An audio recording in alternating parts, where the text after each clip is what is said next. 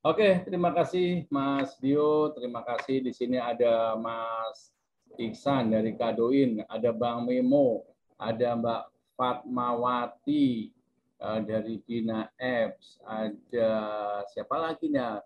Mas Wafi Yudin, Mbak Lutfia, uh, Mbak Nasomia, dan lain sebagainya. Pokoknya banyak sekali keren-keren anak muda semua, usia dari seumuran dengan saya semua, 30 tahun yang lalu. Oke, terima kasih. Semangat pagi. Assalamualaikum warahmatullahi wabarakatuh. Senang bertemu dengan rekan-rekan semua yang hebat dan luar biasa. Suatu kebahagiaan, suatu kebanggaan, dan suatu kehormatan bagi saya pribadi uh, diundang oleh Orbitin dan Via dan juga uh, seluruh sponsor dan uh, support pada uh, event hari ini, kegiatan IEC ini. Ini sesuatu yang sangat membahagiakan dan luar biasa sekali. Dan tentunya saya sangat bangga dan sangat eh, terhormat sekali bisa bertemu dengan anak-anak muda yang hebat-hebat semua dalam program IEC ini. Ini masih akan menjadi uh, apa ya masa depan yang akan membawa masa depan Indonesia menjadi menjadi lebih baik dan menjadi lebih sukses dan menjadi lebih maju.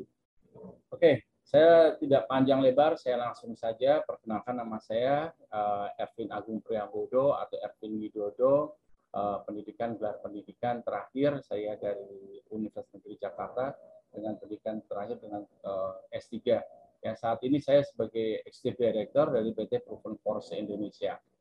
Ah, kita kayaknya langsung saja di sini ya untuk menyingkat waktu dan saya lebih barangkali nanti lebih asik kalau kita bisa membuat ajang diskusi ya kita diskusi kita ngobrol dan lain sebagainya rekan-rekan yang saya uh, banggakan uh, dunia sales, dunia marketing itu katanya, katanya ya katanya sudah ada jauh sekali sebelum manusia ada di bumi. Ya, bagaimana ceritanya bisa jauh sekali sebelum manusia ada di bumi? Ya, katanya sih bagaimana uh, apa uh, dulu cerita pada cerita apa kalau dengar cerita tentang Adam dan Hawa ketika masih ada di surga adalah seekor ular di situ yang berusaha membujuk dan merayu uh, Hawa sehingga meminta kepada Adam untuk memetik apel atau buah kuldi ya yang mana sebetulnya itu tidak boleh pada itu, itu tidak boleh untuk dipetik dan dimakan. Tapi bujuk rayunya yang luar biasa ini akhirnya bisa menggoyahkan uh, kegalauan Hawa. Sehingga Hawa mempersuasi Adam, eh, Adam yang begitu kokoh dan begitu tangguh, itu akhirnya goyah juga, dan akhirnya lahirlah kita semua ada di bumi ini. Kita bisa bertemu bersama. Nah, itu dia. Eh, bagaimana aktivitas mempersiu ini, bagaimana aktivitas mengajak, bagaimana aktivitas mempersuasi, menginfluence, itu adalah dunia marketing ya dunia marketing adalah dunia yang sangat indah dunia yang penuh dengan uh, apa seni ya karena tidak hanya kita belajar tentang ilmu tapi juga kita di sini belajar tentang seni. Dan setiap tangan orang itu pasti mempunyai uh, apa ya magic sendiri-sendiri. Ya punya uh, magic sendiri-sendiri. Dunia marketing juga dunia yang bagaimana kita bisa hidup seperti yang maka saya kasih gambar sini uh, pohon kaktus ya. Itu pohon kaktus itu pohon yang hidup di tempat yang kering. Nah itu ya jadi itu uh, susah sekali nah dunia marketing sederhananya adalah bagaimana kita memindahkan isi dompet orang ke dompet kita Nah, itu paling sederhana. Ya, bagaimana kita bisa memindahkan isi dompet orang ke dompet kita melalui transaksi, melalui jual beli, melalui apa pun dan lain sebagainya. Karena apa? Karena setiap orang ketika kita berbisnis, ketika kita membuat suatu usaha, banyak orang yang pandai membuat produk, banyak orang yang pandai membuat konsep, banyak orang yang pandai membuat uh, desain dan produk-produk yang luar biasa. Tapi ketika produk itu tidak bisa di-deliver, tidak bisa dijual, ya, maka produk itu akan menjadi uang yang sia-sia yang hanya dalam bentuk barang. Ya. Ya, jadi sayang sekali. Jadi bagaimanapun, apa pun konsep kita, apa pun produk kita, apa pun desain yang kita punya, produk itu dibagi dua, goods and service, barang dan jasa, itu kalau kita sudah bisa membuat produk itu, tapi tidak bisa kita deliver kepada uh, customer, dan tidak bisa memberikan bukan hanya memberikan output tapi juga memberikan outcome dalam bentuk pendapatan bagi kita itu cilaka ya buat apa kita punya produk banyak banyak taruh di gudang barang-barang kita yang ada di gudang itu kan uang semua tapi dalam bentuk barang. Ya kan? Coba barang-barang di gudang itu kita hitung. Bisa jadi barang-barang di gudang itu ada 100 juta. 100 juta itu kalau kita depositkan ke bank ya dengan bunga per bank ya paling kecil aja cuma cuma dapat saya setengah persen per bulan. Ya lumayan ada pendapatan. Daripada kasar kata taruh di gudang didiamkan dimakan tikus dimakan rayap hancur semua ya nah, jadi whatever apa pun eh, kami dari orang-orang marketing sangat menghormati sangat menghargai rekan-rekan yang sangat jago dalam membuat produk ya membuat produk produk ini kita biasa bagi dua menjadi goods and service. Goods itu barang, service itu adalah jasa. Jadi kami sangat menghormati, kami sangat menghargai rekan-rekan yang jago membuat desain produk, konsep produk, dan sebagainya. Tapi bagaimanapun juga, kalau itu tidak bisa uh, dijadikan uang, ya jadi hanya kita hanya bisa membuat output, ya kan uh, dalam konsep produksi itu kan input, proses, output, ya kalau hanya sekedar output, kita menghasilkan barang, kali maaf, maaf seperti menghasilkan masker, ya. Nah, kita ada ada outputnya. Outputnya kalau kita menghasilkan masker seperti kayak gini. Tapi masker yang kita hasilkan ini tidak bisa kita deliver kepada end customer kan bukan hanya sampai kepada yang kita butuhkan ini bukan hanya pada cabang eh, jalur-jalur eh, distribusi aja, tapi sampai dengan end customer ya si pembuat masker ini ini harus sampai dengan tangan saya atau istri saya sehingga saya akan memberikan uang saya ya untuk memberi, mendapatkan uh, masker ini. Nah, perusahaan itu kan dapat pendapatan, dapat kehidupan ketika terjadi suatu transaksi. Ya, nah di sini marketing ini bermain penting sekali.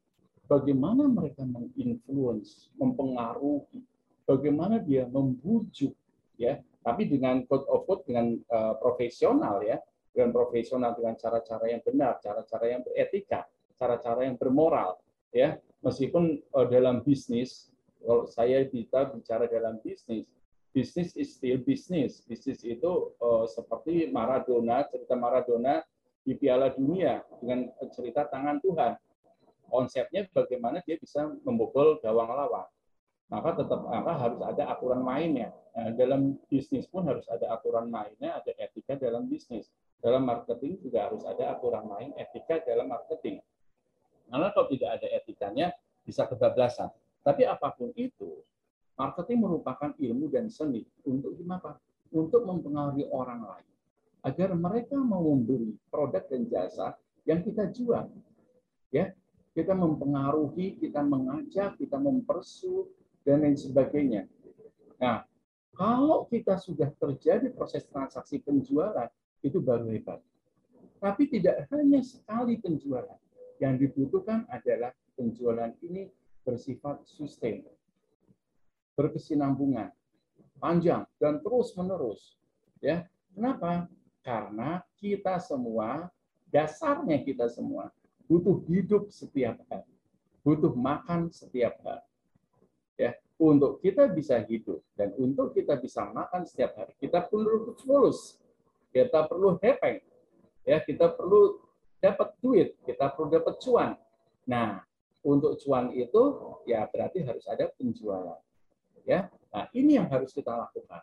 Cuman memang dalam dunia marketing memang zaman sekarang uh, ber, sangat berbeda sekali dengan zaman saya 30 tahun yang lalu ketika saya masih kuliah 30 tahun yang lalu. Ya, zaman sekarang penuh dengan dinamika yang sangat cepat dan turbulensinya sangat cepat sekali. Ya, tapi bagaimanapun juga kalau kita melihat dengan kondisi yang ada saat ini, teman-teman bisa melihat kondisi yang ada. Coba berapa jumlah populasi Indonesia? Jumlah populasi Indonesia itu ada sebanyak 270 juta. Ini jumlah angka yang sangat banyak sekali. Ya, untuk orang marketing, ya, untuk orang marketing ini adalah pasar.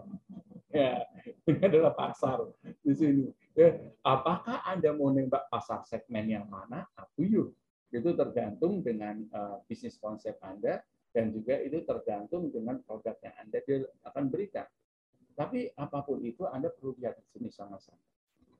270 juta penduduk Indonesia ini sangat banyak sekali. Indonesia juara ya, juara dalam urutan nomor 3 atau nomor 4 jumlah penduduk di dunia. Maka Indonesia pun menjadi sasaran pasar untuk negara-negara di luar. Cina, Amerika, Eropa, hingga Pakistan, Bangladesh pun melihat Indonesia adalah pasar yang indah. Nah, kenapa kita tidak melihat bahwa kita pun ada pasar adalah pasar yang indah? Tinggal bagaimana kita masuk niche marketnya kita atau segmen pasar kita. Ya, saya tidak dalam kesempatan ini yang terbatas saya tidak akan membahas detail tentang konsep dan teori pemasaran. Karena kalau tentang konsep dan teori pemasaran, ya saya yakin rekan-rekan insya Allah bisa dapatkan di kampus, di buku-buku, ya di teori-teori yang ada dan lain sebagainya. Saya lebih banyak pada best practice saja, ya di sini karena waktu dan saya kepengen eh, apa ya rekan-rekan langsung hari aja deh di situ ya langsung hari nggak bisa kalau misalkan naik sepeda naik sepeda itu nggak usah terlalu banyak belajar manual booknya. Ya, manual booknya. Gimana bagaimana cara naik sepeda? Baca dulu manual booknya. Ada sepedanya naik sepedanya. Digoes pelan-pelan. Ada got kecemplung got ceplung. Nah, nggak usah baca teori. Ya kasar kata mohon maaf lahir batin ya di situ yang penting sekarang apa yang dapat kita dapatkan dan sebetulnya adalah ayo segera lakukan penjualan, penjualan, penjualan. Karena terus terang jujur ya, rekan-rekan mohon maaf dan mohon ampun ini, mohon maaf dan mohon ampun. Banyak dokter marketing seperti saya dan banyak lagi profesor-profesor marketing yang hebat-hebat. Tapi ditanya, lu udah pernah jualan panci belum? Bisa jualan nggak? Waduh, saya nggak bisa jualan. Eca, Eca PD ya jadi nggak perlu sampai tinggi tinggi lah sebetulnya ilmu itu. Yang penting kalau dalam dunia marketing kasar kata kita bisa jualan. Nah di situ. Nah tapi emang teori perlu ah, konsep-konsep dasar emang kita perlu ketahui. Ya oke balik lagi di sini. Teman-teman 270 juta ini adalah pasar. Ya ini pasar tentu terang teman-teman. Ya pasar mulai dari orang barulah mau melahirkan sampai orang meninggal itu pasar untuk orang marketing Coba deh, orang malam belum melahirkan, orang mau menikah pun mulai mau menikah. Sampai orang meninggal setelah meninggal buku Yasin itu pasar. ya kain kafan, peti, sampai bunga tabur ya mau meninggal. Kalau yang mau pacaran ada foto pre-wedding, ada ini, ada itu dan lain sebagainya. Itu pasar semua. Jadi eh, pasar ini sangat banyak sekali, tinggal bagaimana kita masuk ke niche market tersebut. Nah, namun dalam dunia permarketingan, ya, dunia permarketingan terus terang, ya tantangan dan challenge itu tidak mudah, ya tantangan dan challenge tidak mudah. Mulai dari customer yang sering berubah kemauannya yang berubah, ya, pagi tempe sore dele istilahnya. Pagi ini maunya ini eh, sorenya udah berubah lagi. Kemudian bukan hanya customer kompetitor juga. Saling bersaing cepat-cepatan ya untuk memberikan produk-produk yang terbaik, memberikan eh, terobosan-terobosan inovasi-inovasi yang baru. Pasar yang berubah, tren yang berubah. Ingat nggak kali kawan-kawan atau beberapa sepuluh beberapa tahun yang lalu ada perubahan pasar yang sungguh luar biasa. Kali ada waktu itu ada fenomena batu akik, ya di dekat rumah saya itu di Jatinegara itu wah itu ada pasar batu akik itu itu trennya buset luar biasa. Batu kali batu kali di asah-asah dikit aja langsung dijual aja kayak udah ada harganya udah langsung meledak meletup di situ. Sampai orang ada yang mau menjual mobilnya hanya untuk batu tertentu. Sekarang sepi di sana. Beberapa tahun sebelumnya ada fenomena tanaman gelombang cinta, antorium, gelombang cinta. Ya, itu sampai jutaan itu ya bohong itu. Sekarang gelombang cinta saya taruh di di rumah saya gak ada yang ngambil, didiemin aja. udah gak cinta lagi ternyata.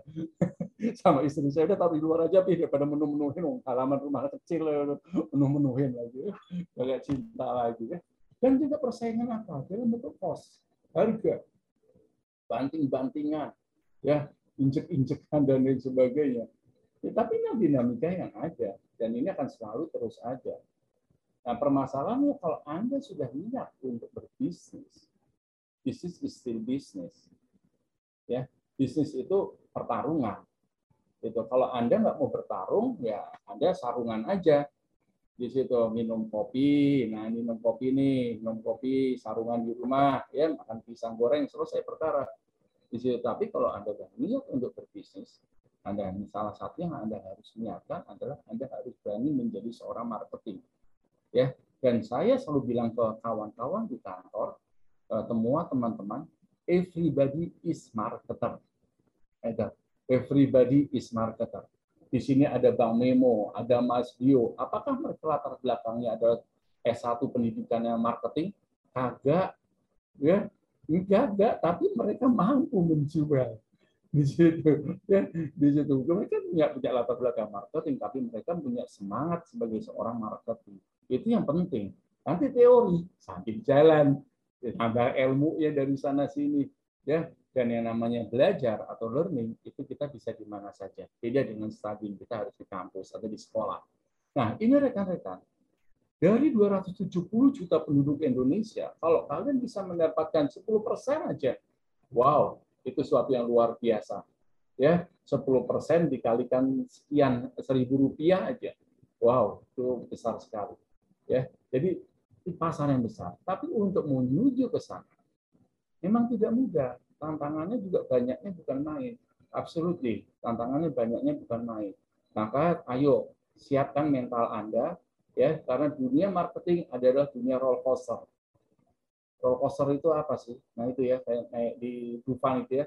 Kadang pelan, kor kor kor kor kor, wus wus wus wus wus wus, muter dan lain sebagainya. Siap harus siap mental.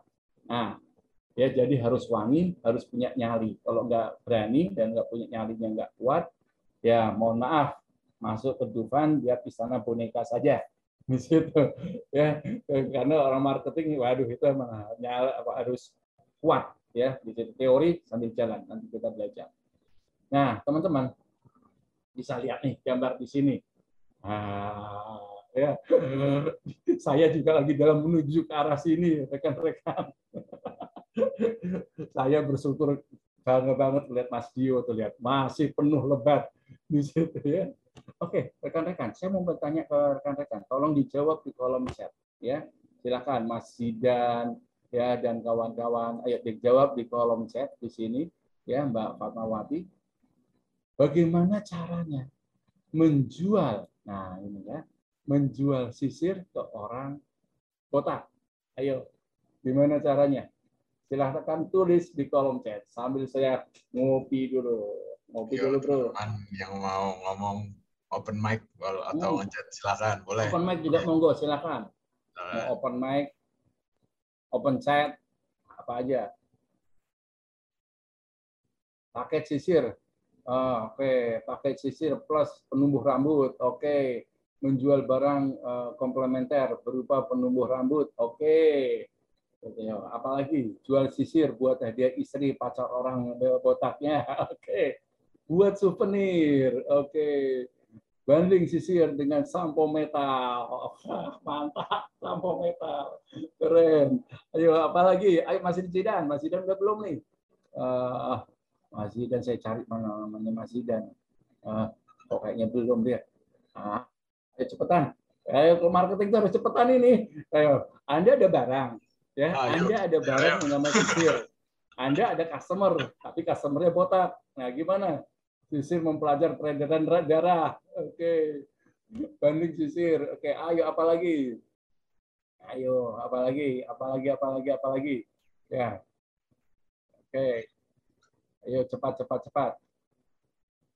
Oke, ini teman-teman, kalau orang yang sudah rambutnya nggak ada seperti kayak gini, ya beda lah dengan Mas Dio gitu ya, beda dengan Mas Hidan yang rambutnya masih keren gitu kan, itu apalagi anak muda seperti Bang Memo itu pakai apa pomade, waduh, klimis di ya, keren. Gitu. Nah, tapi kalau udah seperti tampilannya seperti gini kan kayaknya juga sudah agak susah untuk kita uh, improve lagi ya rambutnya. Karena udah dari sononya kali seperti kayak gitu. Atau udah umurnya juga seperti saya pun menjelang ke sana. Tapi gimana caranya? Nah saya menarik tadi ya dari salah satu rekan anda yang menjawab ya. Dengan apa dengan memberikan salah satunya yaitu dengan menjadikan souvenir teman-teman di sini teman-teman pasti tahu ya yang namanya aktor Bruce Willis Bruce Willis itu pasti ya kalah ganteng sama Mas Dio lah, sama Mas Zidan. Ya, Mas Dio sama Mas Zidan rambutnya masih mantap di situ. Bruce Willis itu ya sudahlah begitu ceritanya, ya. Tapi teman-teman, ya teman-teman, misalkan teman-teman mendapatkan tanda tangan dari Bruce Willis, kira-kira mau nggak? Ayo, kira-kira kalau Mas Zidan mau nggak dapat tanda tangan dari Bruce Willis? Mau ya, masih ya. Eh, keren kan? Wih, dapat tanda tangan dari Bruce Willis. Bruce Willis. Wah, kan di situ kan keren banget gitu ya. Oke. Nah, teman-teman, ketika kita minta eh, apa kita eh, tanda tangan itu, itu kan pasti akan membuat kita menjadi eh, bangga dan senang ya dengan eh, tambah tangan-tangan dari Bruce Willis. Jadi bagaimana caranya supaya kita menjual uh, sisir ke orang yang uh, tidak ada lagi rambutnya. Salah satu caranya adalah kita bisa dengan cara Pak Bruce Willis, ya, Mr. Bruce Willis, kami dari sebuah lembaga, yayasan apa, bla, atau kami ini yang merupakan UMKM atau apa, bla bla bla bla bla, ya. Kami di sini uh, meminta Bapak berkenan untuk membutuh, membubuhkan tanda tangan, ya, membubuhkan tanda tangan di uh, sisir yang kami punya. Yang mana nanti kami akan menjual sisir ini kepada orang-orang dan orang-orang yang membeli sisir ini itu tentunya akan bangga mendapatkan tanda tangan dari Bapak. Ya. Nah, kemudian dana yang kami dapatkan 50% akan kami sumbangkan ke bla bla bla dan lain sebagainya. Ya. Nah, jadi singkat cerita rekan-rekan, ketika kita harus menjual sisir ke orang yang botak atau tidak ada lagi rambutnya di sini, itu bukan berarti kita akhirnya selesai. Ya kadang kan kita berpikir, waduh, gimana nih caranya menjual sisir ya ke, kepada orang yang tidak ada rambutnya atau orang yang botak. Nah, kita harus berpikir out of the box thinking. Apa nilai-nilai yang bisa kita berikan kepada mereka? apa benefit-benefit yang bisa kita berikan kepada mereka. Ya, mereka barangkali sudah memang tidak membutuhkan lagi uh, rambutnya dan lain sebagainya, tapi mereka barangkali dengan memiliki tanda tangan atau memiliki tanda tangannya Bruce Willis di dalam uh, sisir tersebut, itu akan membuat mereka menjadi lebih bangga, menjadi lebih confident di situ. Nah, ini yang saya ajak kepada rekan-rekan semua Ya, ayo berpikir off the box thinking. Jadi ketika sebagai seorang marketing, pasti Anda akan di-challenge dengan hal-hal yang tidak mungkin. Ya, tapi bukan berarti kita diam. Kita harus out of the box thinking. Nah, ini lagi. Berapa harga air putih dalam plastik? Ayo, Mas Idan, berapa harganya? Ayo.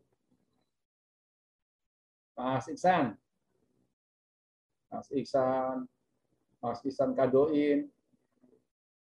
Halo. Halo. Wah, jangan tidur lagi. Mbak Anissa Kartika. 500 rupiah, Pak. 500 ribu. Mas Dio, 2 ribu, Pak. Nggak tahu, Pak. Masih kan. Ayah, mahasiswa kok nggak tahu. Ya, ayo yang lainnya berapa sih kira-kira harga eh, air putih ini free. Yes. Ya. Di sini siapa Mbak Fitrawan ya, Mbak Fitrawan Mufti. Free. Ya, rekan-rekan, kalau kita ya suka makan di warteg, Pak. Ya. Saya juga sampai sekarang salah satu hobi saya makan di warteg karena emang rasanya itu nendang. Ya. Di warteg itu air putih dalam plastik kayak gini, ini bisa free harganya, ya, gitu. Bisa free, harganya bisa gratis, bisa kita dapatkan. Nah, tidak lagi eh, apa tidak ada rupiahnya. Jadi eh, sesuatu yang ya free aja silakan ambil di situ. Tapi coba kalau kita lihat yang ini. Nah, kalau yang ini satu botol Equil, Mas Dio Piro, Mas Dio botol Equil, Mas Dio. Ya lumayan loh Pak. Yo, kira-kira berapa satu botol Equil? Aduh berapa ya? Berapa?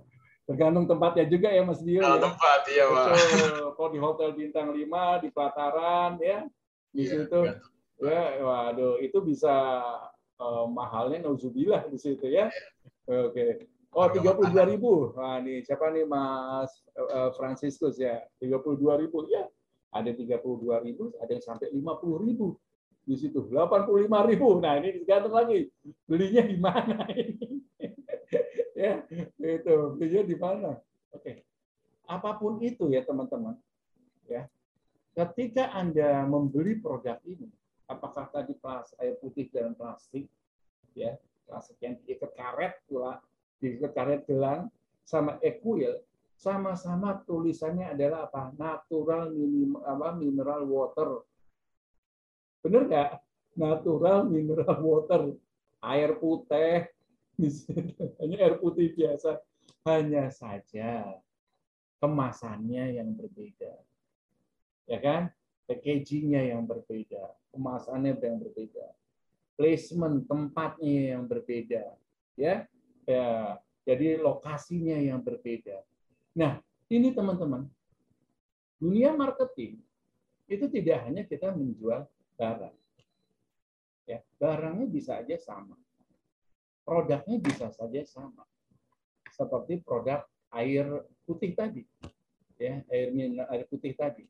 Ketika kita air putih hanya di kantong plastik di karet doang di situ free ya. Nggak ada harganya kasar kata. Ya kalau di warteg-warteg tuh ambil aja gitu ya. Tapi ketika dia sudah dimasukkan dalam botol ya masuk dalam kemasan yang bagus masuk dalam eh, apa packaging yang bagus dikasih branding dikasih merek dijual di lokasi tertentu, tempat yang bagus, ya, di mana yang dihadiri oleh orang-orang tertentu, orang-orang hebat. Harganya yang tadinya free bisa 85.000, bisa 100.000, walau alam. Apalagi tadi eh, apa? Ada rekan di sini siapa Mas Mas Francisco Serandi. Apalagi kalau dijual di Afrika, air putih aja gretong aja bisa mahal apalagi equil di sana. Nggak tahu harganya satu motor kali ya. Sekarang kali di situ ya. Nah jadi di sini apa? Dunia marketing itu tidak hanya eh, sebatas ada barang jual. Ada barang jual. Ya. tapi juga bagaimana kita bisa memberikan benefit. Bagaimana kita bisa memberikan value terhadap produk yang kita deliver produk yang kita promosikan, produk yang kita tawarkan. Bagaimana produk yang kita berikan itu bisa memberikan solusi, bisa memberikan manfaat. Ya. Kalau hanya kita jual produk biasa saja, seperti tadi air putih saja, ya barangkali nggak ada harganya. Kasar kata paling paling mahal 250 atau kali 500 saja udah aqua gelas. Ya. Tapi ketika kita konsep kita kemas dalam eh, kemasan yang baik, di branding dengan baik, ya, di package dengan baik, itu akan memberikan nilai yang baik. Nah, dan di sini yang enggak yang paling penting adalah semua produk yang kita berikan dalam kita menjual seorang marketing ketika, dia menjual, dia tidak menjual barang ya dia tidak menjual barang tapi dia yang dia jual adalah benefit atau yang dia jual adalah solusi. Ya. Kalau hanya sekedar jual barang, semua orang bisa jual barang. Tapi bagaimana barang yang kita jual itu bisa memberikan benefit atau solusi. Barangkali Anda ada yang tahu film ini. Ah, tapi saya yakin ketika film ini baru ditayangkan di awal-awal tahun 90-an, bisa jadi ada yang sudah lahir, bisa jadi bapak ibunya masih pacaran. Nah, ini film MacGyver, ya, di mana dia dengan pisaunya itu, ya, sampai terkenal itu kita ada pisaunya MacGyver, ya, ada namanya Centorinox di situ ya, dikenal oleh kita pisau MacGyver, tapi satu pisau itu dalam film tersebut digambarkan bisa memberikan benefit atau solusi. Sehingga apa?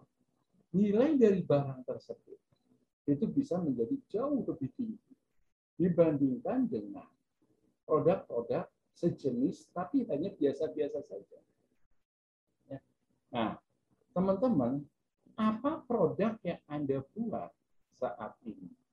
Apa produk yang sudah Anda miliki saat ini? Coba pastikan produk yang Anda buat ini bisakah memberikan benefit atau solusi kepada customer Anda.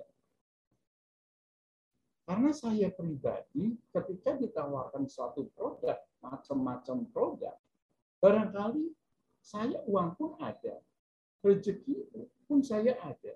Tapi ketika saya melihat itu barang itu tidak bisa memberikan uh, manfaat, benefit, solusi, apakah termasuk solusi itu membuat saya barangkali menjadi lebih muda 20 tahun atau menjadi lebih rambutnya hitam lagi atau apa pun ya. Itu kalau ternyata tidak memberikan benefit saya pun akan berpikir ngapain? Gua harus beli itu. Ya. Barangkali dengan uang yang saya miliki waktu yang saya miliki eh, energi yang saya miliki saya akan lebih menggunakan uh, aset yang saya miliki untuk hal-hal yang lain. Ya, jadi ayo teman-teman lihat produk Anda ini untuk siapa, dijual untuk siapa, dan adakah benefitnya untuk mereka? Bisakah memberikan solusi pada masalah-masalah mereka? Ya, kalau tidak bisa memberikan solusi akan susah untuk uh, apa untuk menolong mereka ya untuk ter, maaf, maaf, maksudnya untuk terjual. Oke, jadi apa pun produk yang Anda berikan itu harus bisa memberikan benefit atau bisa memberikan solusi kepada customer Anda. Ya, jadi please lihat ya siapa customer Anda, ya kemudian Anda lihat lagi a produk Anda, apakah produk Anda bisa nggak memberikan benefit atau solusi kepada customer Anda. Kalau Anda tidak bisa memberikan benefit atau solusi, ya kami sebagai customer, meskipun Anda bujuk-bujuk, Anda rayu-rayu, Anda jungkir balik koprol di depan kami, ya, ya kami hanya bilang, mohon maaf ya Mas, mohon maaf ya Mbak, ya kan? Dan kami akan tinggalkan Anda di situ. Jadi tolong Anda lihat lagi, ya di situ. Nah, gambaran sarah-sarah seperti ini. Ya, dalam produk overview, produk Anda harus mempunyai keunikan harus unik karena semua produk pasti sama. Banyak, ya nggak beda-beda jauh lah. Betty Betty 11 12 setiap orang bikin produk. Ya. Nah, apa yang membuat Anda produk Anda dibeli? Anda harus bisa memberikan keunikan. Ya. Anda juga harus bisa memberikan sentuhan taste, misalkan makanan atau cita rasa atau bisa Anda memberikan sensasi, taste termasuk sensasi ya terhadap produk misalkan eh, apa Anda beli eh, menghasilkan sebuah remote. Nah, remote itu juga bisa bukan hanya untuk televisi tapi untuk AC, tapi juga membuat malam menjadi siang, siang jadi malam. Nah, itu keren kayak gitu. Ya. Nah, terus yang pasti di sini Anda harus bisa masuk eh, memberikan benefit. Apa benefit yang Anda berikan kepada klien Anda? Ya apa nilai tambah yang Anda bisa berikan kepada klien Anda? Kalau hanya sama-sama saja, ya saya pun akan berpikir, ah itu biasa saja ya, sama-sama saja. Yang lain juga jualannya sama juga, ya. Memang benar, first to market, masuk ke pasar itu penting. Yang pertama itu penting sekali. Itu, ya. Tapi zaman sekarang kita masuk ke pasar bukan hanya yang pertama yang penting, tapi bagaimana kita masuk ke pasar. Di situ kita bisa memberikan benefit, solusi dan eh, manfaat bagi customer. Otentik, udah pasti kita harus punya produk yang otentik dan yang nggak kalah penting adalah produk kita di sini berorientasi pada solusi, pada customer satisfaction, kepuasan pelanggan. Ya, produk yang berkualitas menurut Deming dan menurut Juran, ya, menurut Deming, Prof Deming dan menurut Juran, produk yang berkualitas, ya, if your customer satisfied. Jadi produk yang dikatakan itu produk itu berkualitas apabila bisa memberikan kepuasan kepada pelanggan. Definisi memberikan kepuasan pelanggan adalah salah satunya adalah memberikan solusi. Balik lagi sana, memberikan added value, memberikan benefit, ya, memberikan sesuatu yang lebih. Ya, jadi tidak hanya biasa-biasa saja. Nah, kalau produk Anda bisa mendapatkan hal yang seperti ini, insya Allah produk Anda bisa diserap oleh pasar. Ya, jadi berilah sesuatu yang unik pada produk Anda, sifatnya otentik, ya, mempunyai taste yang bagus, boleh masuk di first market, masuk ya benefit, dan yang pasti harus memberikan berorientasi kepada kepuasan pelanggan. Ya, pelanggan is number one, customer is king, gitu. Itu ya. Nah, selanjutnya ini juga sesuatu hal yang menarik. Nih, ya kan? Kita sama-sama tahu nih, menjual uh, apa menjual uh, eh, AC atau menjual mesin pendingin ya untuk orang Eskimo itu menjadi sesuatu yang wah ada aneh. Mana mungkin dan mana bisa kita lakukan yang seperti kayak gitu. Ya menjual es krim pada orang Eskimo barangkali sesuatu yang nggak mungkin ya menjual payung pada musim kemarau itu juga sesuatu yang tidak pas. Tapi jika Anda bisa menjual eh, hal-hal uh, tersebut kepada mereka, ya itu Anda luar biasa.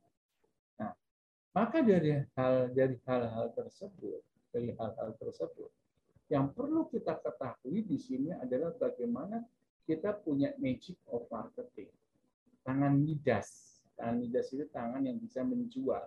Ya. Untuk ke sana berarti apa?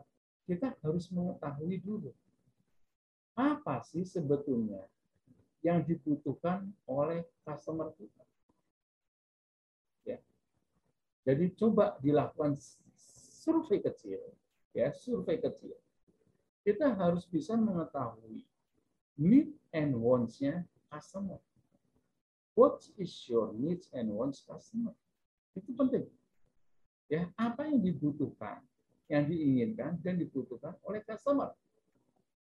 Ya, itu Anda harus tahu nih. Produknya seperti apa, rasanya seperti apa, pelayanannya seperti apa, kecepatannya seperti apa. Ya, kualitasnya seperti apa, warnanya kalau perlu pun juga seperti apa. Ya, jadi benar-benar Anda harus memposisikan diri Anda sebagai customer. Kalau Anda sebagai customer, kira-kira Anda membeli produk Anda mau nggak? Itu saja pertanyaannya.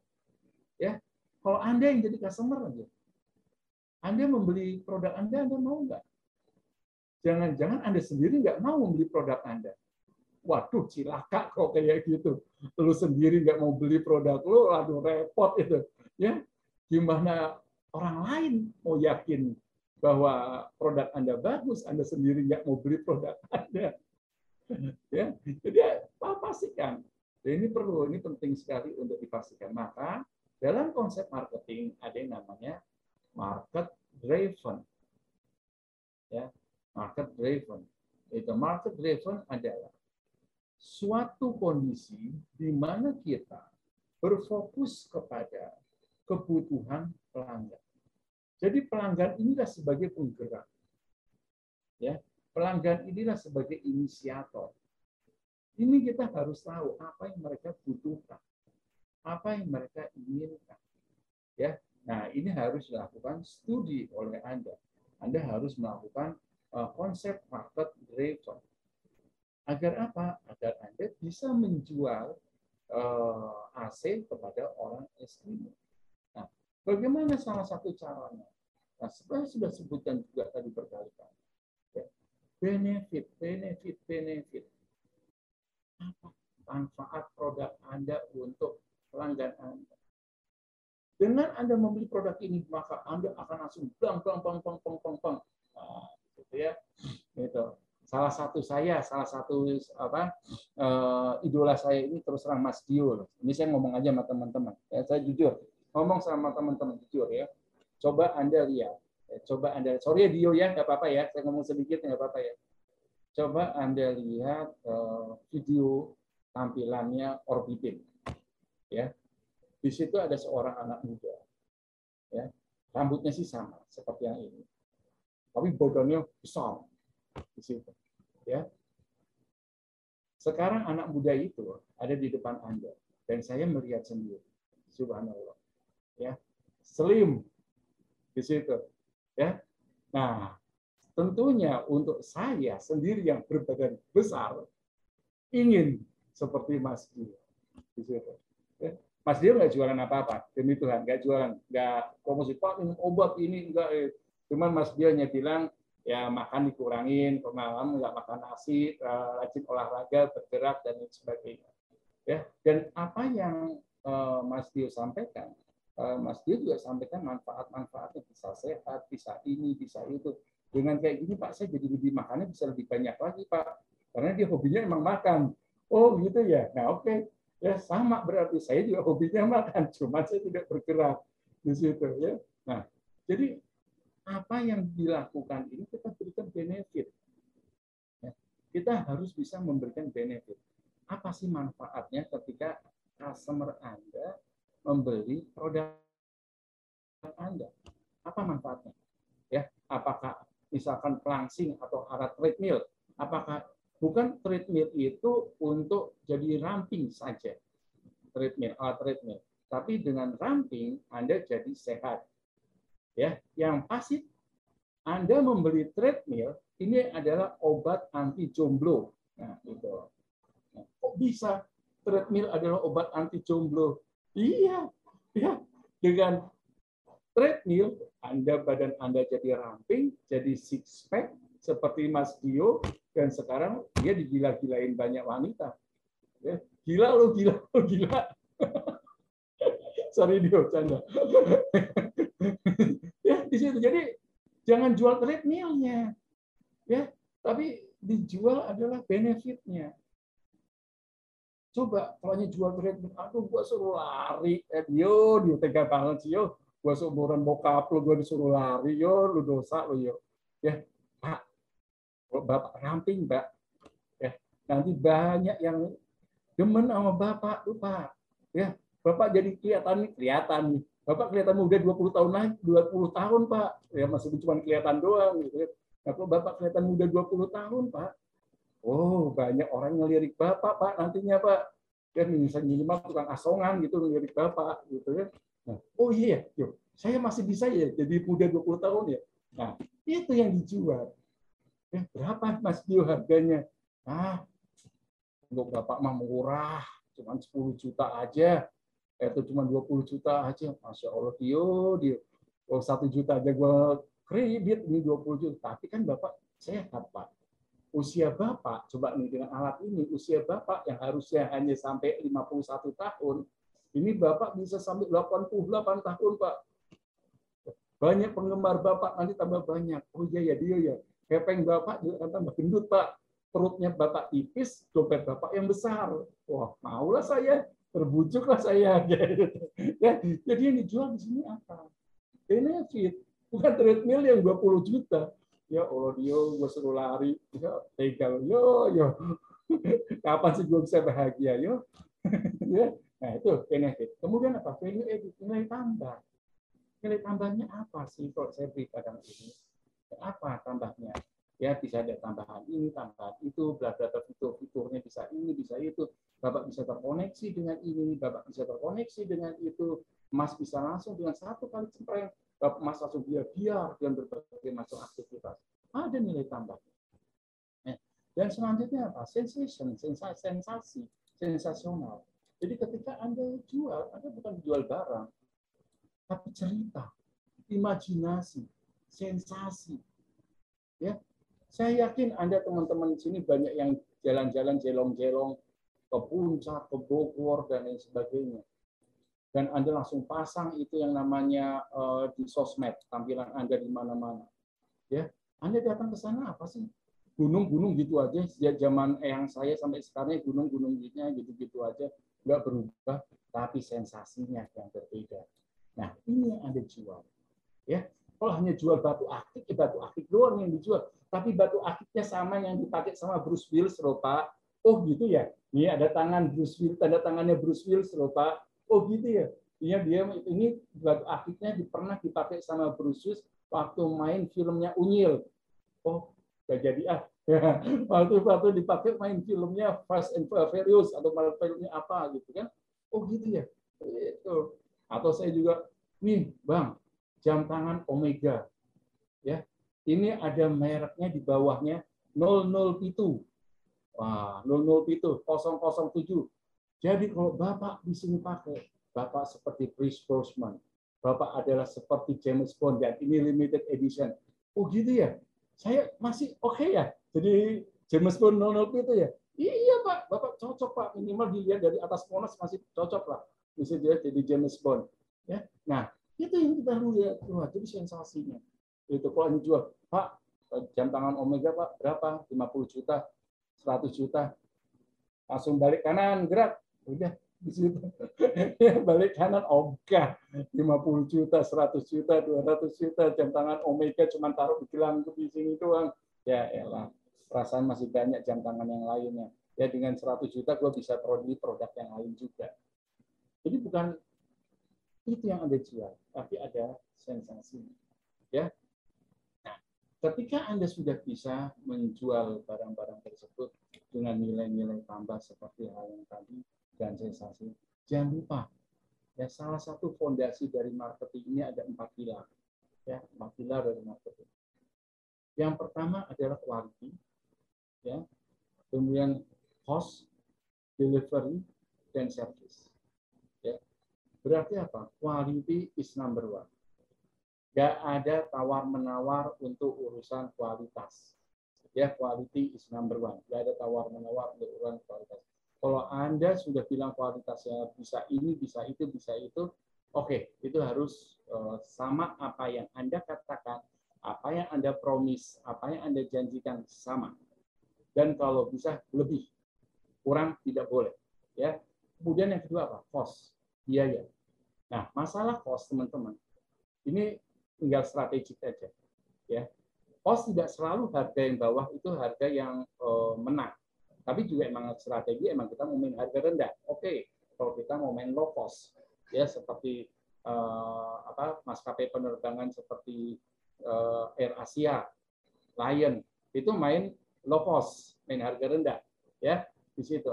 Tapi bukan berarti kita tidak boleh main harga tinggi. Boleh kita main harga tinggi asal harga yang produk yang kita jual yang seperti saya sampaikan tadi di atas bisa membuat kita jadi keren bisa membuat kita menjadi luar biasa, bisa membuat macam-macam.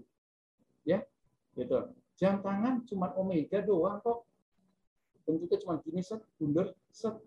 Tapi 100 juta saja minimal, ya kan? 100 juta saja, ya di situ. Masya Allah, sama beli motor aja dapat dua atau tiga kali di situ kan? Ya, jam tangan. Tapi apa? Dia mempunyai sesuatu yang bisa memiliki. Tapi tergantung Anda mau main pos atas atau pos rendah itu itu menjadi uh, apa strategi Anda. Selanjutnya delivery. Ini penting sekali delivery. Seringkali kita beli produk atau beli barang.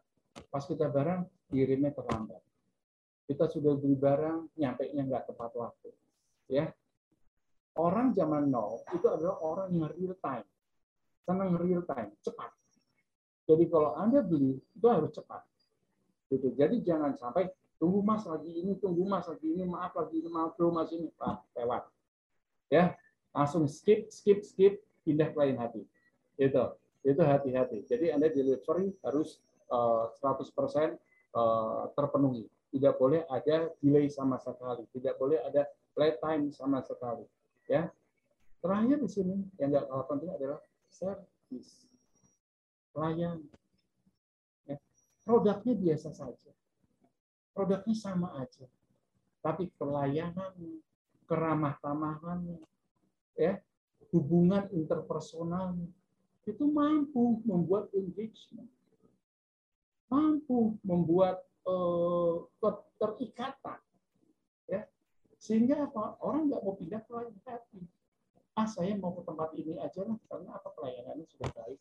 Ya, saya nggak mau pindah. Saya kalau mau makan hanya dimakan di restoran ini aja Kenapa? Karena sudah sudah pasti jadi ini sama seperti saya. Ya, saya beberapa kali eh, makan lah ya di luar sama istri saya. Ketika saya ke sebuah restoran, terus terang jujur, saya termasuk barangkali memang generasi ya generasi uh, generasi X ya dan boomers ya. Kita tidak mudah untuk pindah ke lain hati. Ya kalau kita udah loyal ya akan loyal di situ. Nah, saya bilang sama istri saya, kok kita kok makan di situ-situ saja ya.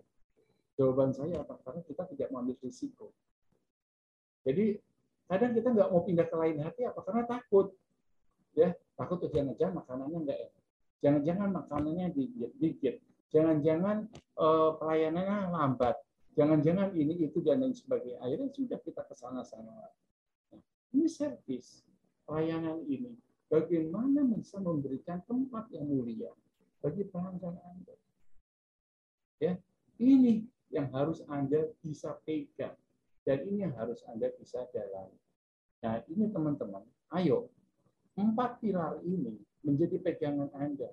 Apakah Anda menjual barang atau Anda menjual jasa, pastikan empat pilar ini bisa berwujud secara sempurna. Ya. Namun, yang terakhir, yang terakhir dari materi saya di hari ini adalah rekan-rekan dalam kondisi kenoa, kondisi zaman now, zaman sekarang, ya, kita tidak bisa lagi hanya pasrah dengan gaya zaman dahulu. Ya, dunia marketing itu harus harus bisa punya pengungkit, punya leverage, ya. Maka dalam dunia marketing itu kita harus ada alat untuk meleverage kalau Anda mengangkat batu sebesar ini sendirian, ya, saya yakin Anda gepek.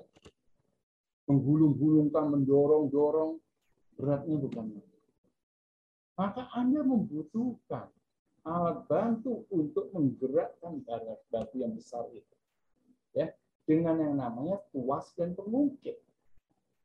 Kalau dalam ilmu keuangan, ini namanya leverage ya pengungkit ya di situ. Kalau dalam ilmu fisika ini eh, pesawat sebesar jadi benda yang berat, benda yang besar itu bisa kita gerakkan. Ya, dengan apa? Dengan alat bantu. Jadi kalau Anda jualan ya dengan gaya yang konvensional tidak salah tapi sampai Anda tua pun bisa jadi hanya segitu-segitu saja yang Anda dapat. Pasarnya tidak bisa lebih luas, tidak bisa lebih dalam, tidak bisa lebih jauh. Sehingga pendapatan yang Anda dapatkan pun hanya segitu-gitu saja. Maka untuk Anda bisa maju dan lebih luas lagi, sehingga meningkatkan harga jual, ya meningkatkan pendapatan, jumlah produk yang terjual lebih banyak dan lain sebagainya, Anda harus ada alat bantu. Apakah apa saja alat bantu itu? Ya, alat bantu yang pertama di sini saya tekankan adalah jalin kolaborasi. Ya, zaman sekarang adalah zaman kolaborasi. Bukan hanya zaman kompetisi Lawan Anda itu justru adalah teman Anda. Cobalah berkolaborasi. Ya, seperti orbitin di sini. Orbitin adalah mitra Anda.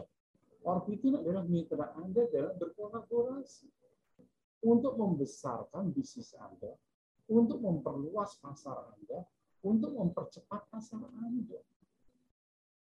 Orbitin mempunyai orang-orang yang andal, orang-orang yang jago di bidangnya.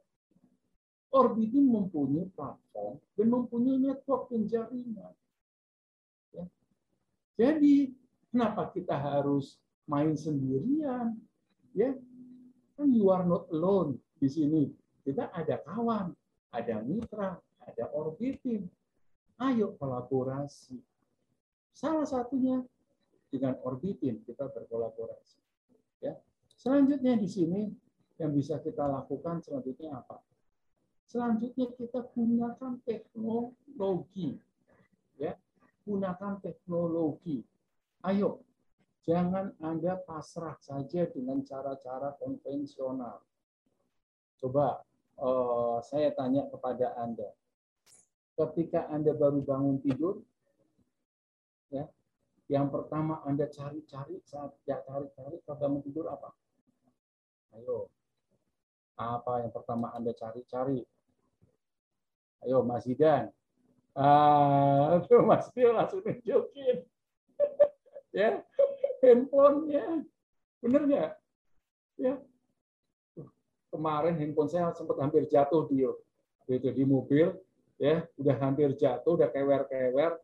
Wah, saya udah pusing mumetnya nuzubillah ini dalik karena semua data kan ada di sana. Semua ya. aktivitas ada di sana. Termasuk alat pembayaran pun sekarang ada di sana. Di ya. semua. Ini benar nggak? Itu udah mumetnya bukan main. Alhamdulillah masih nyangkut di istri saya di situ. Kalau udah kewer-kewer di pintu mobil, aduh alhamdulillah senangnya bukan main ya. Kalau misalkan kalau saya jalan ke pasar gitu ya, anak saya ketinggalan aja sih masih di jalan nggak apa-apa lah. Insya Allah mereka bisa pulang ke rumah gitu ya. Tapi kalau handphone yang ketinggalan, waduh mumet itu di situ. Karena apa? Handphone itu bukan hanya sebatas alat kita berkomunikasi. Tapi di situ adalah teknologi yang akan menyambungkan kita dengan seluruh dunia. Ya, so gunakanlah teknologi itu seoptimal mungkin, sebijak mungkin. Please jangan hanya digunakan untuk stalker mantan. Eh, ya deh, ya mantan lagi apa ya hari ini ya? Dia sama siapa ya hari ini? Ser ser ser ser di situ. Lihat statusnya ya. Ini. Capek deh ya perasaan masih banyak kok yang lainnya gitu ya. Ya sudahlah ya. Yang sudah ya sudah itu ya. Eh, cucian apa cucian basah belum keling ya belum kelar gitu ya, CLTK cucian. Ya. ayo gunakan teknologi anda di situ ada perangkat-perangkat yang bisa menghubungkan bisnis Anda dengan customer Anda. Bisnis Anda dengan pelanggan-pelanggan Anda. Ya, gunakan teknologi itu sebijak mungkin dan sebaik mungkin. Kalau Anda belum belum ada barangkali webnya, atau belum ada Instagramnya, atau belum ada macam-macam ini itunya, ya balik lagi. Insya Allah orbiting siap untuk bermitra. Ya, Orbitin siap menjadi rekan untuk berkolaborasi. Ayo, ya. Jadi tapi gunakan alat-alat seperti itu. Baru yang terakhir adalah investor. Memang ada investor lebih ngejos di situ, akan lebih bem di situ. Tapi yang namanya investor akan taruh duit, itu mereka pun pasti akan berhitung valuasinya bagaimana. Ya, duitnya ada enggak, seperti saya sendiri barangkali kalau diajak bisnis sama Mas Zidan, ya saya akan langsung tanya, ada duitnya enggak? Show me. Mana duitnya mana? Tunjukkan. Saya bau uangnya itu terasa sampai ke saya. Oke, kalau ada bau uangnya, saya tanya, kapan duit gue akan balik modal? Investor kan yang tanya cuma itu. Ya, return investment-nya berapa lama? BEP-nya berapa, eh, ROI-nya berapa persen? Ya, BEP-nya kapan? Berapa banyak saya bisa dapat balikan? Minimal yang paling sederhana, kalau dibandingkan saya taruh ditaruh ingin beli emas atau beli uh, taruh di deposito, lebih tinggi mana investasinya? Nah, Anda harus bisa meyakinkan. Tapi yakinkan ini adalah dalam bentuk uh, laporan uh, keuangan, ya, uh, dalam bentuk valuasi sekian pak sekian sekian sekian nanti dalam sekian bulan akan ini oke okay, investor akan mau untuk mensupport. Nah, tapi untuk menuju ke sana kolaborasi dulu. Gunakan teknologi digital dulu. Optimalkan aset-aset yang ada di sekitar Anda. Ya, insya Allah kalau ini bisa dijalankan seoptimal mungkin dan jika ini bisa dijalankan sebaik mungkin, maka insya Allah akan memberikan benefit yang besar bagi produk dan perusahaan. Ya. Oke, rekan-rekan semua, ya. Jadi kurang lebih itu sedikit sharing session dari saya, ya. Uh, boleh dilihat Instagram saya nah, dan juga monggo di follow. Kalau zaman sekarang kan silakan di follow, ya. Nanti akan saya fallback, fallback dong kakak di situ ya. Oke, terima kasih atur nuhun, gracias, matur suksema, ya, santi sintoro, sampai nanti see you tomorrow. Terima kasih rekan-rekan semua. Mohon maaf jika ada kilaf dan ada kesalahan kata. Sukses untuk Anda semua. Maju terus, jangan pernah mundur. Ya, Bismillah, tujuh lurus melintang patah. Maju terus, Bismillah. Wabillahi taufiq walidayah. Wassalamualaikum warahmatullahi wabarakatuh. Terima kasih rekan-rekan. Saya kembalikan kepada Mas Dio. Waalaikumsalam warahmatullahi wabarakatuh. Nah, ini berarti jadi intinya uh, yang saya tangkap intinya cuma ngejual produk biasa aja tuh nggak bisa main ngejual biasa aja ya Pak. Jadi butuh butuh banyak banget sisinya ya Pak ya. Betul. Betul sekali. Jadi ketika kita menjual barang, semua orang bisa menjual. Ya, proses penjualan itu adalah proses yang sangat mudah. Ya, tinggal Anda buka lapak aja secara konvensional atau teknologi zaman sekarang di marketplace, di e-commerce, itu mudah. ya. Tapi bukan itu esensinya. Itu hanya saluran distribusinya saja. Ya. Tapi bagaimana yang penting adalah menginfluence orang lain mau memindahkan isi dompet mereka ke dompet kita. Dan untuk mau mereka mau berpindah isi dompetnya dari tempat mereka ke tempat kita, itu yang pasti harus ada benefit, manfaat, value added yang bisa mereka dapatkan ketika mereka memberi barang kita. Jadi Anda harus bisa menginfluence mereka, Anda harus bisa menarasikan mereka, membuka mindset mereka bahwa produk yang Anda jual itu adalah produk yang benar, yang sesuai dengan kebutuhan mereka. Kurang lebih seperti itu. Bro Dio. Siapa siapa mantap nih. Ini untuk teman-teman yang mau raise hand langsung open mic atau mau nanya langsung silakan. Silakan. Boleh. Ayo monggo. Monggo monggo silakan ayo. Nah, tuh dari tim Pina Green oh. eh, Lita Sandi. Oke, boleh di unmute. Ah ya, silakan. Oke, terima kasih um, Moderator, Kak Dio Agra atas kesempatannya dan atas informasi serta penjelasan dari Pak Ervin Agung. Tadi saya mendengarkan kalau semisalnya kita itu dalam meningkatkan pemasaran, strategi pemasaran itu juga dilakukan ini ya Pak, apa namanya kolaborasi dengan teman-teman kita gitu, agar dapat mencapai target yang sesuai yang kita harapkan dan secara optimal begitu Pak. Nah, pertanyaan saya tuh masih agak bingung deh Pak.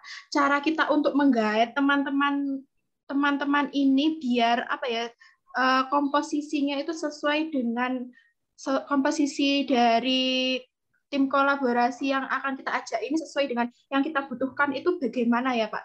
Biar biar apa ya? Biar kadang kalau misalnya sudah jalan kadang nggak enak hati atau bagaimana ya seperti itu bagaimana ya Pak? Terima kasih. Oke, makasih sekali Mbak siapa Mbak Elita dari Pina Green. Oke, mohon maaf uh, produknya boleh saya tahu kira-kira Mbak Elita Pina Green? Oh ya, jadi Pina Green ini merupakan salah satu produk uh, aromaterapi yang di mana waktu kami menyusun produk ini itu di saat COVID itu masih masih dalam keadaan COVID ya, termasuk sekarang juga COVID masih uh, naik ya Pak. Kemarin sempat turun dan sekarang beritanya naik lagi. Nah, Pinagrin ini merupakan salah satu produk aromaterapi yang keunikannya itu di mana kami memanfaatkan uh, bahan-bahan yang kurang di kurang di apa ya maksudnya kurang diperhatikan yaitu salah satunya eh bahan utamanya yaitu ini Pak seresah daun pinus yang terdapat di kawasan UB Forest. Jadi saya merupakan salah satu mahasiswa dari Universitas Brawijaya yang di mana uh, sering melakukan kayak field trip seperti itu di kawasan UB Forest sendiri yang merupakan UB Forest ini merupakan hutan binaan atau hutan pendidikan milik milik Universitas Brawijaya yang digunakan untuk praktikum. Nah, di situ terdapat kayak seresah daun pinus, kemudian ada uh, apa bahan-bahan lain gitu yang kemudian kurang termanfaatkan. Sementara aroma dari bahan-bahan tersebut masih sangat masih menyengat dan berpotensi untuk dimanfaatkan. Jadi kami memanfaatkan hal tersebut, Bapak. Seperti Oke. itu. Oke, luar biasa. Kalau nggak salah pada saat pencurian, saya ikut bagian pencurian di Tina Green kalau nggak salah waktu itu. Ya, oke. Ya, eh, salam, salam ketemu kembali ya. Oke, eh, dalam halnya kolaborasi, ya dalam halnya kolaborasi. Ini saya nanya lagi nih ke Mbak Elita ya, Mbak Elita kolaborasi. Misalkan saya adalah calon mitra Anda, ya misalkan saya adalah calon mitra Anda.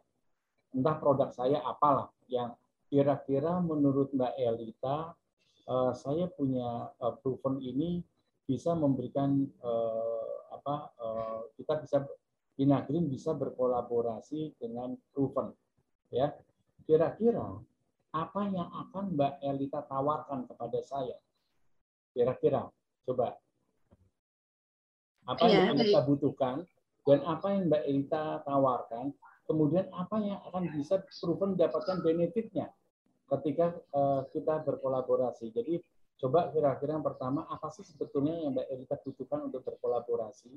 Kemudian apa yang Mbak Erika tawarkan dan terakhir apa benefitnya untuk proven ketika kita berkolaborasi? Monggo Mbak.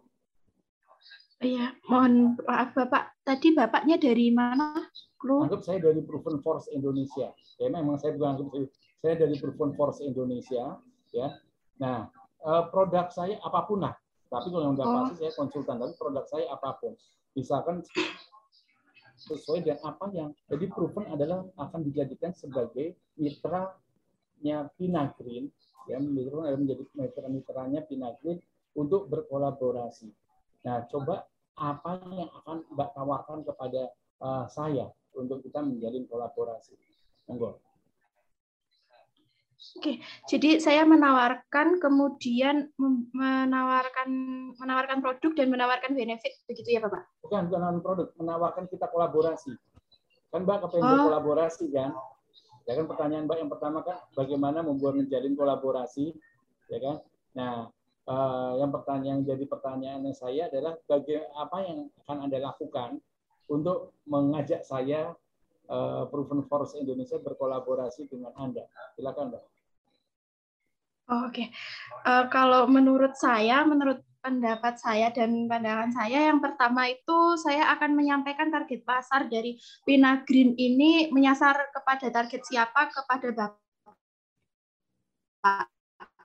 Seperti itu. Biar biar itu sesuai dengan sesuai dengan apa yang bapak tawarkan tersebut Bapak kan uh, sebagai Bapak itu mitranya, sebagai mitra yang ditawarkan gitu Pak.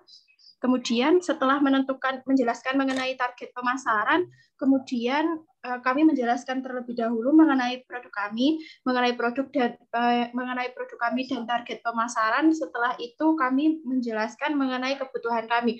Kebutuhan kami misalnya yaitu misal apa bahan baku utama yang terdapat di kawasan UB Forest ini semakin berkurang atau semakin menipis, dapatkah Bapak sebagai mitra itu eh, mencari partner, mencari partner atau pemasok bahan baku begitu Bapak? Kemudian juga mengenai target pasar, mengenai target pasar itu tadi kan kami menyasar pada orang-orang yang mengalami tingkat kesetresan tinggi di saat di saat menjalani WFH. WFH. Nah, pada pada mitra atau ketika kami menggait mitra kami akan uh, kami akan menyampaikan hal tersebut untuk bagaimana cara mitra itu mendapatkan target pasar atau setidaknya dapat menyampaikan ide eh, menyampaikan inovasi kami ke eh, dalam target pasar yang lebih luas tersebut atau bagaimana ya Bapak? Mohon Oke. saran dan masukan. Langsung aja. Ya. Ketika kita berkolaborasi, ya kita berkolaborasi, apa benefit yang bisa perlu mendapatkan, Mbak? Ah, bagaimana Bapak? Eh, ketika kita berkolaborasi antara proven dengan Pina Green berkolaborasi, apa benefit yang proven bisa dapatkan? Oh, oke okay, oke. Okay. Proven sebelumnya saya masih bingung ini Bapak. Bapak dari aspek dari aspek apa tanpa melihat aspek gitu ya Bapak? Nah, apa apa saja, misalkan terserah. Okay. Misalkan Mbak mau menempatkan asli dari aspek marketing, okay okay, uh, okay. telemarketing atau ke aspek distribusi barang atau aspek apa jadi uh, terserah lah karena saya nggak mau memaksakan kami dari sebagai korup kami kan memang konsultan tapi barangkali kami dari distribusi kita perusahaan truk atau apa silakan jadi tapi intinya adalah apa yang kami dapatkan ketika kami berkolaborasi dengan Pinagri. Oke. Okay. Jadi uh, saya saya izin memposisikan Bapak sebagai orang yang sebagai orang atau mungkin ketua dari komunitas yang peduli akan kesehatan mental begitu ya Bapak.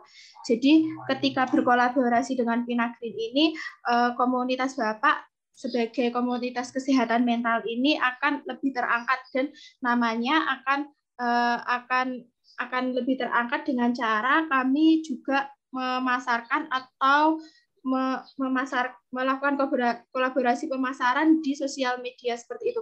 Jadi nanti nama eh, nama dari komunitas Bapak akan terangkat dan mungkin juga ada pelayanan mengenai kesehatan mental itu juga akan mengalami peningkatan konsumen seperti itu, Bapak. Oke, ya sip, makasih Mbak eh, Elita. Kayak gini ya Mbak Elita. Orang yang berkolaborasi, orang ujung-ujungnya meskipun kita berkolaborasi, di mana pun juga akhirnya ujung-ujungnya larinya bisnis to bisnis. Ya, maaf, ya, ya bisnis is still bisnis. Ya, bisnis is still bisnis. Maksudnya apa? Ujung-ujungnya kita akan melihat dari sudut bisnis. Ya. Kita akan melihat dari benefit. Apa manfaat saya berkolaborasi dengan Anda? Ketika saya berkolaborasi dengan Anda, benefitnya apa yang bisa saya dapatkan? Ya, Apakah saya bisa mendapatkan pangsa pasar yang lebih luas? Apakah saya bisa mendapatkan revenue yang lebih banyak? Ya, apakah dengan berkolaborasi dengan Anda, saya pun akan mendapatkan pendapatan yang lebih banyak lagi? Ya, nah hal-hal yang seperti itu yang akan lahir kalau kita berbicara bisnis. Karena bisnis ini tidak hanya tidak bukan apa ya bukan silaturahmi saja, memperbanyak bukan hanya memperbanyak kawan saja. Meskipun memperbanyak kawan itu sangat bagus sekali. Tapi kalau bisnis itu ujung-ujungnya larinya nanti pada laporan keuangan. Itu kasar katanya seperti itu, ya. Jadi ujung-ujungnya di laporan ke kasar kata ujung-ujungnya laporan keuangan bisa nggak menambah pendapatan bagi perusahaan? Bisa nggak menambah eh, apa revenue revenue bagi perusahaan saya? itu yang pasti akan uh, dilihat itu itu dulu ya selanjutnya baru yang lain-lainnya nah maka apa yang harus anda lakukan sebelum anda berkolaborasi yang sudah tentu anda harus mempercantik diri dulu ya. mempercantik diri dulu seperti orang mau pacaran ya kan? Pasti nggak mau dong orang pacaran ketemu dengan kondisi kumel ya kan? Wah pasti akan doan-doan wah cantik dan lain sebagainya. Ya seperti saya juga dulu gitu. Ya waktu saya mendekati istri saya wah dan dan dan masih six pack di situ. Tapi pas sudah menikah udah deh langsung. Coba perutnya nggak six pack tapi langsung one pack. Ya. tapi kan pada saat itu kita berusaha menjual diri kita menjual mempromosikan diri kita. Ya saya laki-laki yang terbaik one and only. Nah itu ya kan? Kamu pasti terjamin oleh saya. Saya akan menjadi bla bla bla bla benefitnya ini itu. Wah ceritakan semuanya. Termasuk diceritakan di tanah abang itu tanah abang itu luas. Iya, tanah abang luas. Tanah abang tapi bukan punya abang di situ. Nah, jadi balik lagi ketika uh, sebuah perusahaan Anda akan berkolaborasi, Anda harus memantaskan diri Anda dulu. Ya. Berikan diri Anda yang terbaik. Berikan rekan kolaborasi Anda yang terbaik. Ya, jangan kolaborasi itu dijadikan sebagai ajang manfaat Maksudnya jangan kita memanfaatkan orang lain. Ya, itu karena setiap orang pada dasarnya tidak ada yang mau dimanfaatkan. Ya, jadi ayo kita berikan sama-sama benefit. Kalau Anda kita Bapak eh, Pak Ervin mengkolaborasi dengan Pinagri, Pak Ervin proven akan mendapatkan ini, ini, ini, ini. Pasar-pasar luas, market luas, Instagramnya nambah sekian-sekian, oke. Okay. Tapi ujung-ujungnya saya akan nanya lagi, tarik ke duitnya ada nggak, Mbak? Saya dapat duitnya nggak kira-kira di situ ada nggak duitnya kira-kira dapat apa yang saya bisa berkaitan dengan uang saya? Ya. Oh ada nih pak. Ini ini nih dalam setiap ini bapak akan mendapatkan sekian persen sekian persen sekian persen. Oke. Okay. nah akhirnya kita akan duduk bersama tuh. Kita melihat oh sudah ada duit bau duitnya nih. Ya kan? Kalau sudah ada bau duitnya saya akan duduk kita berduduk bersama mbak. Oke kita lihat. Oke berapa lama duit itu bisa didapatkan? Ya berapa banyak uang itu bisa didapatkan? Maaf ya kita bicara bisnis di sini ya di jadi itu yang yang itu yang memang harus kita eh, siapkan kondisi-kondisi seperti itu. Sehingga uh, rekan kita mitra kita confident. Oh oke okay, siap untuk bolehlah kalau gitu saya mau kolaborasi dengan anda. Apa yang harus saya berikan? Jadi uh, ketika proven mau kolaborasi dengan Pinagrid saya akan tanya apa yang harus proven berikan kepada Pinagrid Proven harus memberikan ini, ini, ini, ini. Oke, ketika saya memberikan ABCD, bisa nggak saya Proven mendapatkan EFG, HIJ, KLN, OP? Ya, Nah, kalau Proven memberikan ABCD dapatnya AB, AB doang atau ABC, wah kita juga nggak mau. Tapi kalau Proven mendapatkan memberikan ABCD, kita bisa kan dapat ABCD, F, HIJ, KLN, OP, oke. Di situ. Gambarannya seperti itu. Jadi harus kita pun juga bisa memberikan benefit kepada mitra kita. Ya, apakah itu 50-50 atau apa perjanjiannya dan sebagainya. Tapi kurang lebih seperti itu, Mbak. Jadi jangan sampai uh, kita tidak ada sesuatu yang bisa kita memberikan sesuatu kepada mitra kita. Ya, gitu. Jadi kalau kita sudah bisa ada sesuatu yang menarik, apalagi kalau bisnis pasti ujung-ujungnya lari kepada angka, ya itu itu pasti akan menjadi sesuatu yang challenging dan pasti orang akan melihat. Kurang lebih seperti itu, Mbak. Oke, dari okay. Mbak Melita apa udah udah oke? Okay? Sudah. Okay. Terima kasih Bapak, cukup. Terima Sama-sama. kasih ya. penjelasannya. Oke, okay. uh, oke okay, next pertanyaan ini dari Raisen tadi saya saya urutin ya. Jadi uh, Ekonela Fitrawan, boleh open mic? Silakan. Uh, halo. Halo, halo, halo. Ya. Uh, halo, ya halo Pak. Ya, uh, ya Pak, mau tanya Pak. Uh, ini terkait ini apa namanya uh, kebijakan pemerintah ya. Jadi kita sebenarnya ada challenge-nya, ada tantangannya dalam uh, apa namanya mendistribusikan produk ini ya. Kan kita uh, produksinya apa produk bioaditif ya, bioaditif uh, yang diklaim untuk efisiensi BBM dan uh, dekarbonisasi karbon ya emisi kayak gitu. Nah uh, sebelumnya di kita mulainya di startnya di tahun uh, Juli 2021 ya bulan depan sudah cukup satu tahun pak kita startnya. Nah saat itu kan uh, untuk risetnya kita sudah riset untuk uh, jenis BBM premium ya itu masih masih didistribusikan jenis, jenis BBM premium. Nah berjalan tiga bulan sekitar bulan 10 itu uh, premium dihapuskan Nah, premium deposan. Jadi mau tidak mau karena pada saat itu memang uh, untuk formulasi produknya ini hanya dispesifikkan uh, untuk premium. Nah, begitu ya Pak. Uh, tapi sehingga di tahun 2000 eh, di ini setelah bulan 10 itu kita fokus untuk penetrasi uh, untuk masuk produk uh, bioaditif untuk uh, pertalite. Nah, pada saat prosesnya kan sudah jalan nih. Nah, tiba-tiba ada isu lagi kalau uh, BBM premium mau didistribusikan kembali dan BBM Pertalite itu mau dihapuskan karena isu yang tidak ramah lingkungan. Nah, artinya sampai saat ini kita sebenarnya bingung mau se seharusnya mau fokus mau, mau fokus ke mana. Itu soalnya ketidakpastian dari kebijakan pemerintah itu yang apa yang terus berubah-ubah. Nah, kalau uh, sehingga kita terkendali tantangan kita di uh, termasuk di pemasaran dan distribusi produk, uh, apa, pengembangan produk dan, dan sebagainya. Nah, mungkin itu sih Pak uh, sedikit uh, apa ya yang kami yang kami alami saat ini. Uh, seperti itu Pak. Kasih. Oke, terima kasih. keren sekali nih Mas Fitra. Wah, sudah apa masuk ke ranah teknologi energi terbarukan ya. Keren, keren, keren banget. Oke, gini Mas. Ada beberapa yang mau saya sampaikan. Poin yang pertama adalah berkaitan dengan kebijakan pemerintah. Kebijakan pemerintah itu emang seperti kalau kita mohon maaf ya, gua buka lapak di pinggir jalan, ya biasa-biasanya nih sama Pak Lurah boleh, gua buka lapak di pinggir jalan di situ. Eh tiba-tiba lurahnya ganti, ya tadinya gua bisa buka lapak, lurahnya ganti, kagak boleh lagi buka lapak di pinggir jalan selesai deh di situ ya kan bisa nyolong nyolong buka lapak tapi digaruk sama Satpol PP. Nah, ya. oke, itu poin yang pertama. Jadi kalau udah berkaitan dengan pemerintah, memang kita harus pintar-pintar uh, melihat produk kita ini kira-kira apakah produk yang bisa sustain dengan kebijakan pemerintah atau tidak.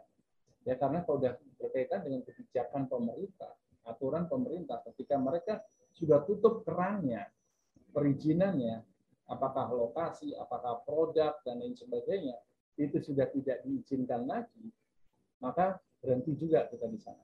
Nah, maka daripada itu kita harus segera switch on dan switch off. Jadi switch-nya kita harus cepat, ya. Switch-nya harus cepat. Jadi apa? Kita tidak harus tidak lagi melihat coba dengan produk dasar yang Anda miliki, produk dasar loh, produk dasar yang Anda miliki, bisakah produk dasar itu untuk membantu produk-produk yang lainnya, untuk mensupport produk-produk yang lainnya. Misalkan, ya, apakah bisa untuk masuk ke ranah industri, ranah eh, perusahaan-perusahaan, masuk ke ranah swasta.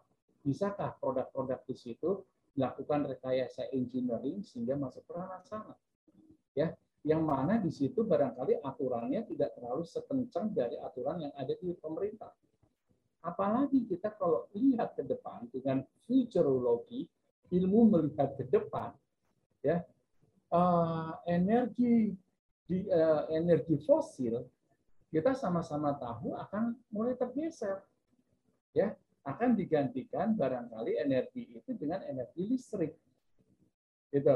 Nah ini pun harus switch harus cepat untuk bergeser dengan berhasilnya kemarin diadakan Formula E di Jakarta itu sudah tanda bahwa apa cepat atau lambat akan terjadi perubahan ya perubahan apakah kebijakan dari pemerintah atau tuntutan dari pasar atau tuntutan dari global. Ya, nah ini kita harus cepat switchnya ke sana. Kita melihat nih. Nah, nah selanjutnya dari produk dasar Anda, apakah bisa produk dasar Anda itu tidak hanya terfokus hanya untuk pada satu titik? Karena ketika dia hanya terfokus pada satu titik, titik itu ditutup, selesai Anda semua. Ya, jadi istilah saya adalah jangan naruh telur 10 telur pada satu keranjang. Ya, yang naruh 10 telur, meletakkan 10 telur pada satu keranjang. Kalau satu keranjang itu jatuh, habis semua keranjang telur yang Anda miliki. Cobalah dibagi-bagi, dilihat ya, masuk mana kira-kira produk yang Anda bisa lakukan. Nah, mulai masuk ke ranah swasta, apakah bisa menjadi support untuk Eh, pembuatan barang tertentu, untuk eh, mendukung produksi barang tertentu, ya Anda lakukan evaluasi lagi, analisa lagi terhadap produk Anda. Karena kalau sudah, ya memang kalau sudah berkaitan dengan pemerintah, itu ya sudah masuk regulasi ya bagaimanapun juga ya pada susah ya kita untuk menerobos ke sana ya di situ. Jadi akan lebih uh, saran saya Anda jadikan uh, Anda berpikir lebih agile ya. Agile itu lebih lincah kalau nggak bisa lewat sini ya sudah kita lakukan pasar-pasar yang lainnya coba dievaluasi dan dilihat lagi. Kurang lebih seperti itu Mas Fitram saya yakin produk anda ini bagus sekali keren banget kurang lebih seperti itu ya Pak izin Pak ya Uh, sebenarnya ini sih Pak kalau untuk sekarang uh, kita saat ini memang lebih fokuskan untuk Alsintan ya Pak untuk uh, Alsintan karena memang uh, selain premium kita juga sudah uji coba ke solar ya. Oh. Cuman kita apa ya? Karena memang saat ini uh, secara resource, secara sumber uh, sumber daya kita masih baru bisa memenuhi itu dengan kapasitasnya kita di Indonesia di kawasan Indonesia Timur di Sulawesi Selatan, jadi kita menyasar market ke market ke Indonesia Timur. Nah, cuman ini sih Pak, apa ya, uh, apa apa teh namanya? Kan kita nggak mau di sini-sini aja Pak. Kita ingin maju satu langkah lagi. Setelah ini kalau udah tercapai setelah ini kita nggak mau stuck di sini. Kita harus mau uh, maju lagi, berkembang lagi. Nah, dan juga kami sadar bahwa untuk market alas intan ini, untuk market ke alas intan ini memang tidak seseksi dengan market ketika kita menyasar uh, transportasi atau kendaraan. Jadi memang saat ini kita lebih kefokuskan untuk Alsintan dulu di kawasan Indonesia Timur karena secara resource manajemen kita uh, masih kalah bersaing lah dengan komputer-komputer yang lainnya dan uh, dan untuk uh, apa namanya sudah banyak juga kompetitor yang main ke ranah itu ke ranah kendaraan dan uh, yang ada di pulau-pulau Jawa makanya fokusnya kita saat ini yang seperti ini mungkin dalam jangka waktu 5 sampai 10 tahun ke depan ketika kita ingin berkembang mungkin kita akan pikirkan lagi ke mana selanjutnya. Mungkin seperti itu sih Pak. Makasih atas tanggapannya Pak. Oke, bagus. Sudah tinggal ini aja Mas, tinggal itu tadi apa eh, fokus, dalami dan inovasi. Terus itu dilakukan. Saran saya yang terakhir kepada Anda adalah lakukan PDCA. Plan, do, check, action lagi, evaluasi lagi, evaluasi lagi ya eh, Anda sudah bagus mengambil ceruk timur di situ memang ceruk yang masih banyak sekali belum disentuh dan di situ juga kalau memang pasalnya ada Anda lakukan kembangan di sana itu bagus sekali jangan Anda masuk di red ocean Anda masuk di blue ocean red ocean barangkali sudah berdarah-darah eh, masuk di blue ocean itu barangkali peluang masih sangat terbuka dan lebar dan evaluasi lagi cari hubungan dengan banyak mitra insya Allah produk Anda semoga Ekonela ini bisa menjadi sukses dan semakin uh, semakin jaya. Terima kasih Pak. Oh sama-sama. Oke, terima kasih dari Mas Fitrawan. Oke, selanjutnya nih saya rutin dari ini ada di chat uh, dari tim maktras.id. Uh, ya. Izin bertanya Pak, apakah marketing model bisnis B2C and B2B berbeda? Selanjutnya, apakah menu, menunjukkan unique value proposition di empowering community merupakan marketing yang legit. Terima kasih, Pak. Oke. Ya, terima kasih uh, Mas Dio.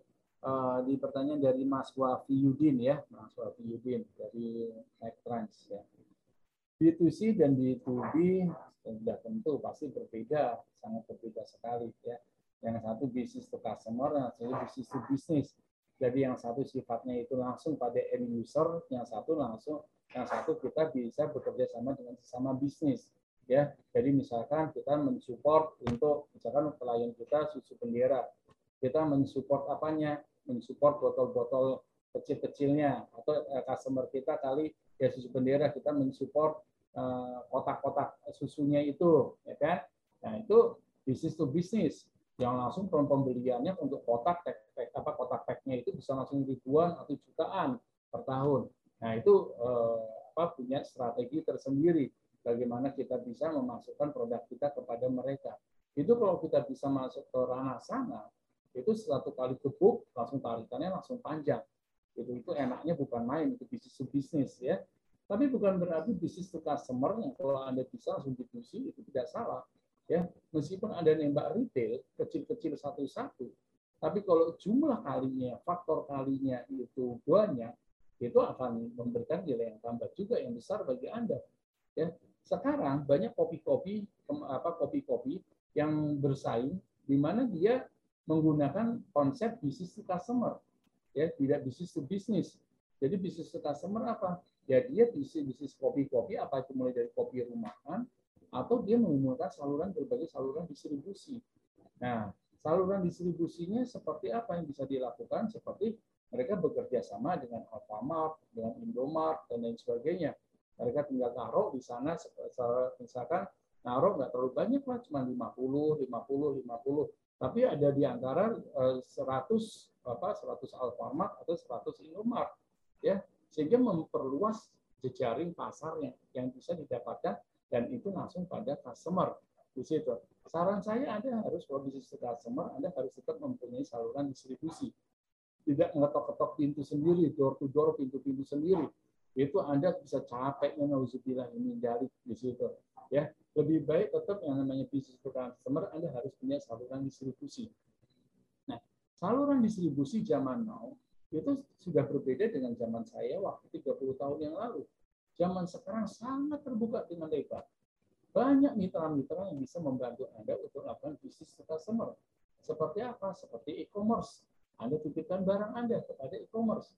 Anda taruh aja di situ ceplok, nanti dia akan berputar sendiri, hidup sendiri, akan jualan dengan sendirinya. Ya kan? Anda nggak perlu repot-repot, Anda nggak perlu capek-capek. Asal Anda dapatkan e-commerce yang bisa membentuk atau membantu menjualkan produk Anda. Di situ. Anda punya produk, Anda bisa titipkan ke Orbitin Nanti Orbitin bisa bantu untuk membuat apa, membuat menjual produk dan pasar jasa Anda. Apa yang bisa dibantu, bisa dikembangkan dan lain sebagainya. Karena Orbitin sendiri sudah punya network yang banyak, sudah punya jaringan yang luas. Di sini Anda tinggal taruh aja, Mas Bio, saya titip nih, ya, ya konsinyasi lah kalau zaman dulu. Ya dulu saya punya warung, ya ada teman saya, Vin, gue punya punya kecap nih, Vin. Gue titip ya, jual di barang tempat tuh. Ya, terus saya tapi gue nggak mau nggak mau beli. Ya udah konsinyasi aja. Kalau mau konsinyasi aja lu taruh aja di sini nanti yang terjual aja gue dapat berapa persennya. Oke kita konsinyasi aja di situ ya kan? Nah tanya yang bisa kita lakukan itu dengan cara bisnis customer jadi langsung kepada end user kita. Nah bagaimana dengan unique value proposition wah ini penting sekali mas ya penting zaman sekarang itu kita harus benar-benar menempatkan positioningnya kita, ya dan propositionnya kita ini harus tepat sekali. Apalagi dalam kaitannya dengan unique value itu, karena tadi seperti yang tadi saya presentasikan, kita nggak jualan barang, pasar kata kita nggak jualan barang, ya kan? Tapi kita yang di sini adalah jualan sekarang jualan benefit, manfaat. Kalau aqua jualan barang, apa bedanya dia dengan jualan uh, air kiloan yang seperti di apa uh, kampung saya di rumah saya Tanjung Priok yang masih didorong air kiloan pakai jirigen kayak gitu. Apa bedanya? Ya kan nggak ada bedanya sama sekali air putih juga. Tapi yang dijual adalah pesan dari si akuanya tersebut. Biar nggak lupa, biar nggak kejedot, pesannya sehat, kesannya keren dan lain sebagainya. Itu yang dia jual, ya sehingga harganya pun bisa menaik dan melambung tinggi. Nah, jadi ada harus ada uniknya, unik uh, value, unique proposition itu seperti apa. Ini yang harus Anda kemas dan Anda buat dan Anda ciptakan. Produk Anda itu akan membuat orang jadi apa sih? Ya, apakah ketika membuat uh, menggunakan produk itu akan menjadi gimana dan lebih keren dan lain sebagainya? Itu keren banget bagus sekali dan berkaitan dengan empowering empowering community penting sekali. Ingat zaman sekarang itu ya orang berbisnis tidak lagi door to door. Salah satu kekuatan dalam berbisnis itu selain uh, media yang kita pakai adalah komunitas. Komunitas ini pasar yang besar sekali. Ya. Dan komunitas ini pun bisa mempengaruhi pasar. Komunitas sepeda, komunitas jogging, komunitas kuliner, komunitas jalan-jalan, komunitas apa pun. Sekarang banyak sekali komunitas mak-mak sendiri belok kanan itu komunitas juga di situ. Ya, jadi Anda bisa masuk ke sana dan Anda bisa jual produk Anda. Yang pasti yang lebih yang penting adalah produk Anda ini bisa memberikan solusi, benefit, nilai tambah dan membuat uh, pelanggan Anda menjadi wow, menjadi terbantu. Kurang lebih seperti itu Mas Wafi Yudin.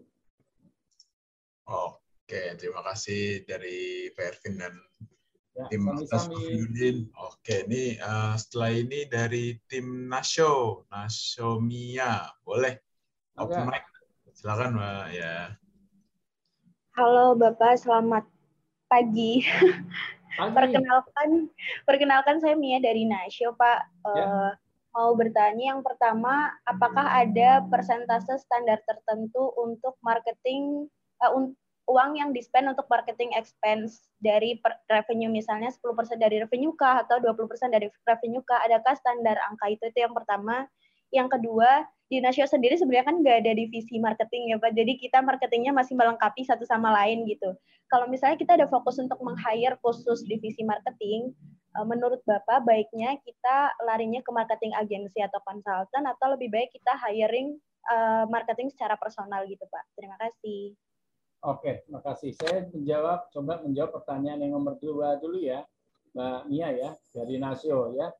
Oke, uh, jadi gini, apa dalam hal kaitannya dalam hal dan kaitannya dengan apa yang harus kita lakukan ya apa yang harus kita lakukan apakah kita pakai agency atau kita akan lakukan sendiri balik lagi kepada value over purpose dari bisnis Anda itu apa. Ya apa yang akan Anda lakukan. Karena semuanya ada plus dan minusnya ya. Kalau Anda di sini adalah bisnis bisnis Anda adalah berkaitan dengan uh, seperti produk yang mempunyai nilai yang cukup rigid ya. Dan itu harus dijelaskan ya secara lebih mendalam oleh orang-orang yang ahli di bidangnya maka disarankan Anda mempunyai account executive yang khusus dan yang cukup internal yang melakukan ya karena kalau dipakai orang luar agency dia belum tentu dia bisa menjelaskan tentang produk yang Anda miliki. Tapi kalau misalkan produk Anda adalah produk retail yang memang Anda jual, bisa sebar aja di mana-mana, kasar kata seperti itu, titip aja di kios, di warung, di Alfamart, Indomart, dan lain sebagainya, it's okay, no problem. Anda barangkali bisa pakai marketing agency dan lain sebagainya. ya eh, Atau Anda emang eh, produk Anda cukup agensi bicara aja orang juga bisa ngomong, bisa yakin dan produk Anda, oke, okay, silakan. Tapi kalau produk Anda butuh kedalaman tersendiri, butuh keterampilan tersendiri, butuh kecakapan tersendiri, disarankan itu dengan internal. Ya, seperti kami di Proven Force Indonesia, kami internal karena kami eh, produk kami adalah konsultan ya kita membutuhkan kecakapan-kecakapan tersendiri di situ ya. Itu yang pertanyaan yang kedua yang bisa saya jawab. Boleh sorry uh, tadi saya sedikit terskip pertanyaan yang pertama boleh diulangi sedikit mbak Mia maaf maaf maaf maaf uh, pertanyaan pertama apakah ada persentase, okay, persentase. standar tertentu oke okay, gini ya mbak ya dalam bisnis ya dalam bisnis upayakan uh, ada yang namanya nanti kan pasti juga ada biaya operasional. Ya. Dari 100 persen, kasaran gampang kasarannya itu kan harus kita bagi-bagi. Ya, harus kita bagi-bagi. Gak boleh semuanya untuk marketing, nanti nggak ada uang untuk dapur, untuk investasi, untuk pengembangan dan lain sebagainya. Gambaran sederhana itu bagi saja dalam konsep empat bagi eh, apa tiga bagian ya jadi 30% itu benar-benar sudah disisihkan. 30% itu disisihkan untuk ditabung, untuk diinvestasikan dan lain sebagainya. 30% untuk operasional, ya, 30% untuk operasional day to day activity. Ya, 30% itu sudah operasional. Nah, selebihnya di situ ya itu bisa digunakan untuk marketing. Tapi tergantung bisnis Anda di sini uh, bisnis yang baru dikenal atau bisnis Anda yang sudah cukup lama dikenal. Kalau baru dikenal, emang benar-benar emang di situ kekuatan marketing butuh duit yang cukup banyak. Biasanya PLC-nya produk life cycle-nya seperti itu. Ya, dia karena masih awal harus harus dijos, dibantu promosi, promosi, promosi, promosi biar naik dianya di situ. Ya, jadi biaya uh, promosi itu bisa sampai 30-40 persen. Itu bisa bisa banyak sekali. Tapi nanti kalau dia sudah sampai dalam posisi yang cukup dapat dikenal oleh market, oleh pasar Anda, ya sudah mulai menurun tuh di situ. Ya, sudah mulai menurun, ya barangkali hanya tinggal 30, 25 sampai 30 persen, ya tapi biasanya tidak di bawah 25 persen. Nah, tinggal di situ aku kan maintain terus aktivitas maintenance. Tapi biaya marketing itu memang harus ada. Nggak boleh biaya marketing itu tidak ada karena dia akan marketing itu mulai dari hulu ke hilir. Mulai dia membuat uh, konsep, sampai dia membuat sebuah event, sampai dia ada lakukan aktivitas selling. Ya, jadi marketing dengan selling itu berbeda. Ya, di situ kalau selling itu bagian kecil, salah satu bagian dari activity uh, apa uh, penjualan perorangan, ya, personal selling di situ kalau dari 4P itu personal selling. Nah, sedangkan marketing sendiri lebih luas. Ya, mulai dari promotion, place promotion uh, uh, apa, uh, sampai personal selling di situ.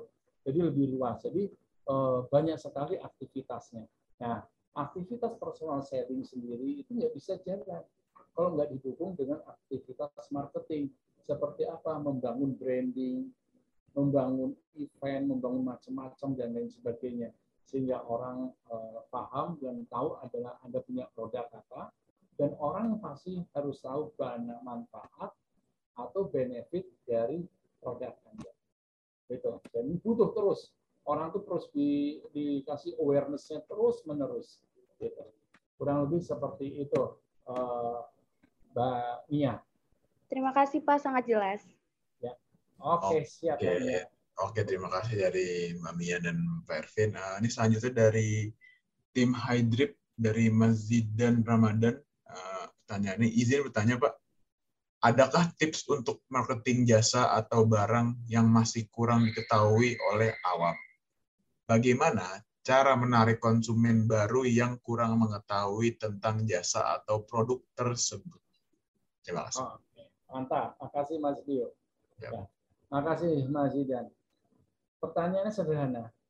Ya, sebelum orang lain tahu tentang produk dan jasa uh, yang Anda punya, tanya diri sendiri juga terlebih dahulu pada Anda dan rekan-rekan Anda, Anda tahu nggak sih sebetulnya produk dan jasa Anda? Jangan-jangan Anda sendiri nggak tahu produk dan jasa yang Anda miliki. Ya, itu poin yang pertama. Ya, kemudian orang-orang sekitar Anda itu tahu nggak sih produk dan jasa Anda yang apa miliki? Ya minimal itu dulu deh. Kemudian yang kedua, bagaimana selanjutnya kita biar uh, orang awam itu tahu bahwa kita punya produk. Nah, kalau dalam konsep tadi saya sudah sedikit sebutkan kepada Mbak Mia sedikit sedikit, sedikit senggol ya. Itu ada yang namanya PLC product life cycle ya. Dan itu juga dalam kaitannya dengan proses marketing ya.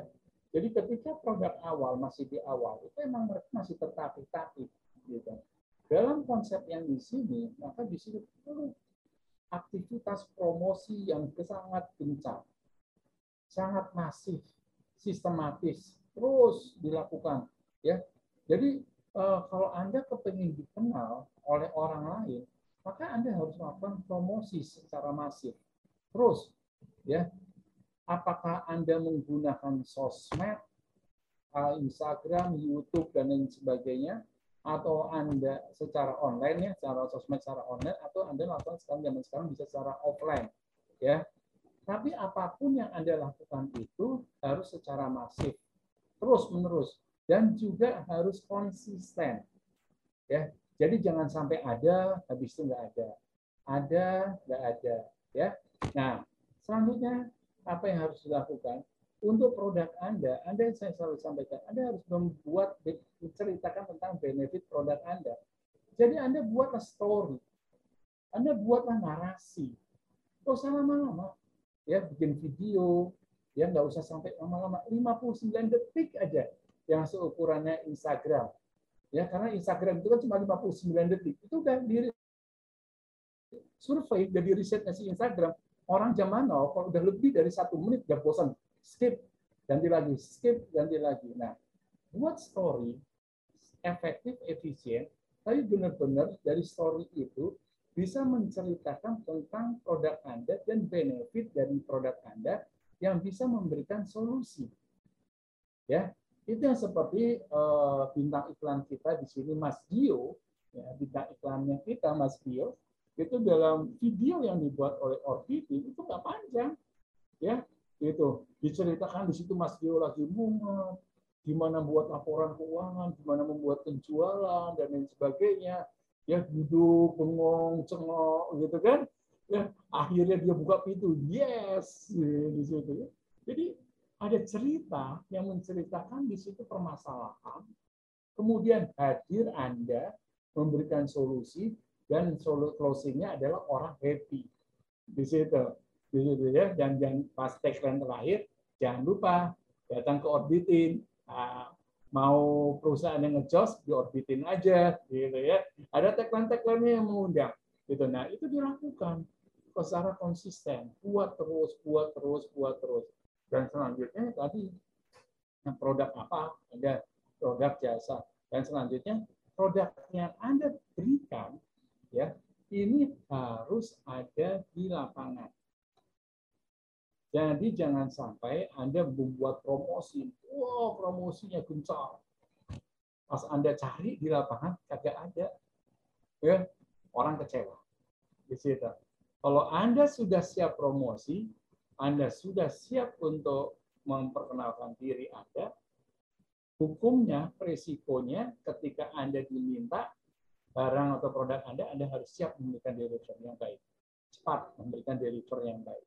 Gitu ya dan itu sekali lagi dilakukan secara konsisten terus menerus ya sehingga lama per lama orang akan tahu pak perlu nggak sih pak pakai influencer perlu nggak sih pak pakai artis ya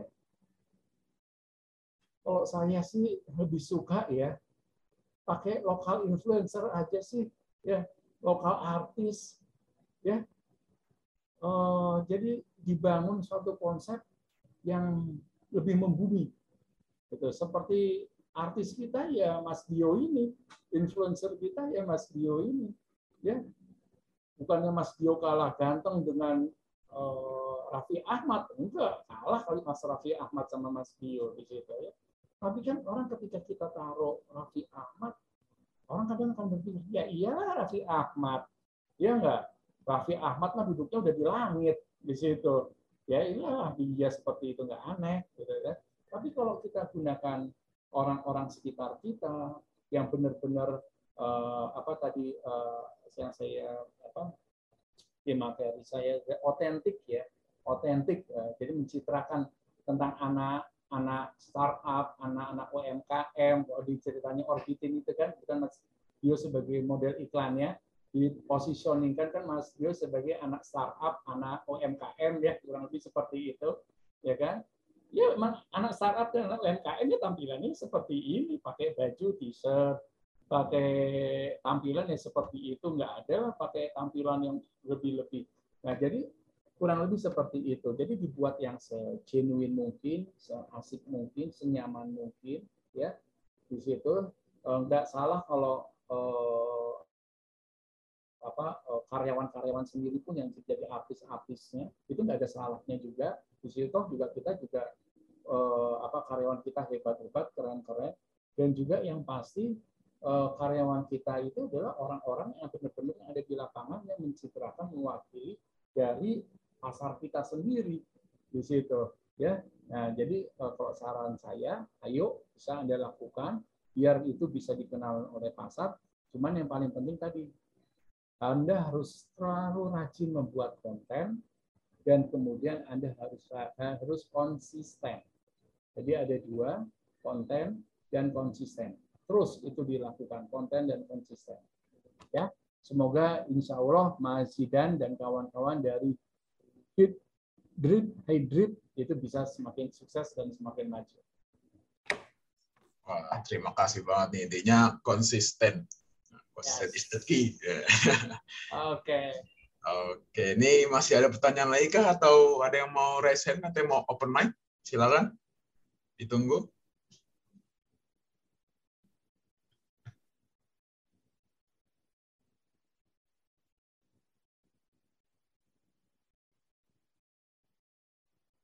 Ayo, silakan. Masih ada waktu. Kali ada yang mau curhat uh, uh, ya produknya gimana cara ngejualnya boleh silakan. Oke, okay, sambil sambil itu kali ada yang mau apa uh, sambil kali ada yang mau ditanya. Yang lain lebih saya coba tunjukin ini ada barang nih kebetulan depan mata saya di saya pegang ini ada sebuah barang. Kira-kira Mas Dio tahu nggak barang apa itu? Itu apa tuh, Bang? Hmm. Itu nggak tahu saya, Pak. Ini, ini, ini. Tempatnya gini buat punggung kali. Ya, betul sekali Mas Dio. Oke, harga dari barang ini barangkali nggak lebih dari 20 ribu. Ya, nggak lebih dari 20-25 ribu rupiah. Ini barang hanya dibuat dari sebilah bambu. Ya, kemudian dihaluskan, diratakan, dan lain sebagainya. Ya, ketika barang ini hanya dijual 20 ribu, barangkali orang tuh banyak yang tidak tahu apa benefit dari alat ini, barang ini. Tapi ketika kita bisa katakan bahwa barang ini adalah alat untuk kita tidak gila, dan tetap waras, nah, barangkali harganya bisa bertambah. Kenapa sih kok bisa membuat kita jadi tidak gila dan tidak waras? Karena barang ini bisa dipakai untuk garu-garu punggung. Coba bayangkan Anda ada di suatu tempat, lagi-lagi lagi, lagi ada di suatu tempat tiba-tiba gatel, kan nggak lucu tiba-tiba Anda badannya digaru-garu ke tiang, Anda badan digaru-garu ke pintu, Anda barang digaru badan Anda digaru-garu ke tembok, kan nggak lucu dilihat orang, ya kan? Tapi dengan alat ini akan memberikan solusi bukan hanya Anda tetap kelihatan uh, elegan tapi juga Anda terlihat tetap ganteng. Dan yang pasti Anda terlihat tetap waras. Tidak seperti orang gila yang garuk-garuk di sana sini ya. Dan selanjutnya gimana ya supaya alat ini bisa mempunyai nilai tambah? Ya tadi ya dikasih tanda tangan. Itu seorang artis orang ternama atau Pak Menteri atau siapa dan lain sebagainya sehingga alat ini bisa memberikan nilai tambah yang bisa lebih. Apalagi kalau misalkan beli alat ini bisa dapat tanda tangan orang terkenal tersebut dan berfoto bersama dengan orang tersebut. Nah, sudah tentu alat ini bisa menjadi nilai tambah harganya dari alat ini menjadi sangat lebih tinggi lagi. Padahal ujung-ujungnya hanya garuk-garuk punggung doang di situ, ya. Jadi ini bagaimana ketika kita menjual sebuah barang itu kalau kita hanya melihat barang ini hanya sebilah kayu, ini nggak ada artinya nih barang ini. Ya, ini sebilah kayu seperti kayak gini. Tapi kalau barang ini bisa dipakai, uh, garuk-garuk punggung, ya sampai bisa apa? Bisa untuk apa ngambil barang di atas, bisa benefitnya apa? Bisa untuk nimpuk orang, ah, jangan nimpuk orang, nimpuk kucing ya seperti jangan juga sih. Nah jadi uh, tapi intinya benefit itulah yang anda bisa jual. Kurang lebih seperti itu. Oh ya, tambah satu lagi Mas Dio. Tambah satu ya, lagi Pak. Mas Dio. Silakan, Pak. Tahu kan ini apa? Masker, Pak. Jelas, masker. masker. Kita sudah sama-sama tahu ya, masker ini kita pakai untuk uh, kondisi COVID. Ya. Tapi masker ini tidak hanya bermanfaat melindungi kita dari wabah uh, apa, COVID, Omicron, dan Delta. Tapi masker ini pun bisa kita pakai untuk melindungi kita dari rasa takut. Gimana ceritanya rasa takut? Ini cerita saya sendiri ketika saya nonton KKN di bioskop, ya saya takut. Maka saya tutupkan mata saya dengan masker ini. Nah, damailah akhirnya. Kan saya tidak lihat apa pun kejadian yang ada di lapangan.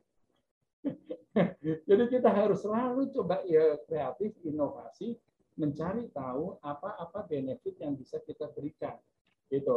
Ya, jadi uh, ayo rekan-rekan, jangan hanya melihat dari uh, produk Anda saja, saya ini punyanya ini, ya sudah tolong dipaksa-paksain jual, nggak bisa.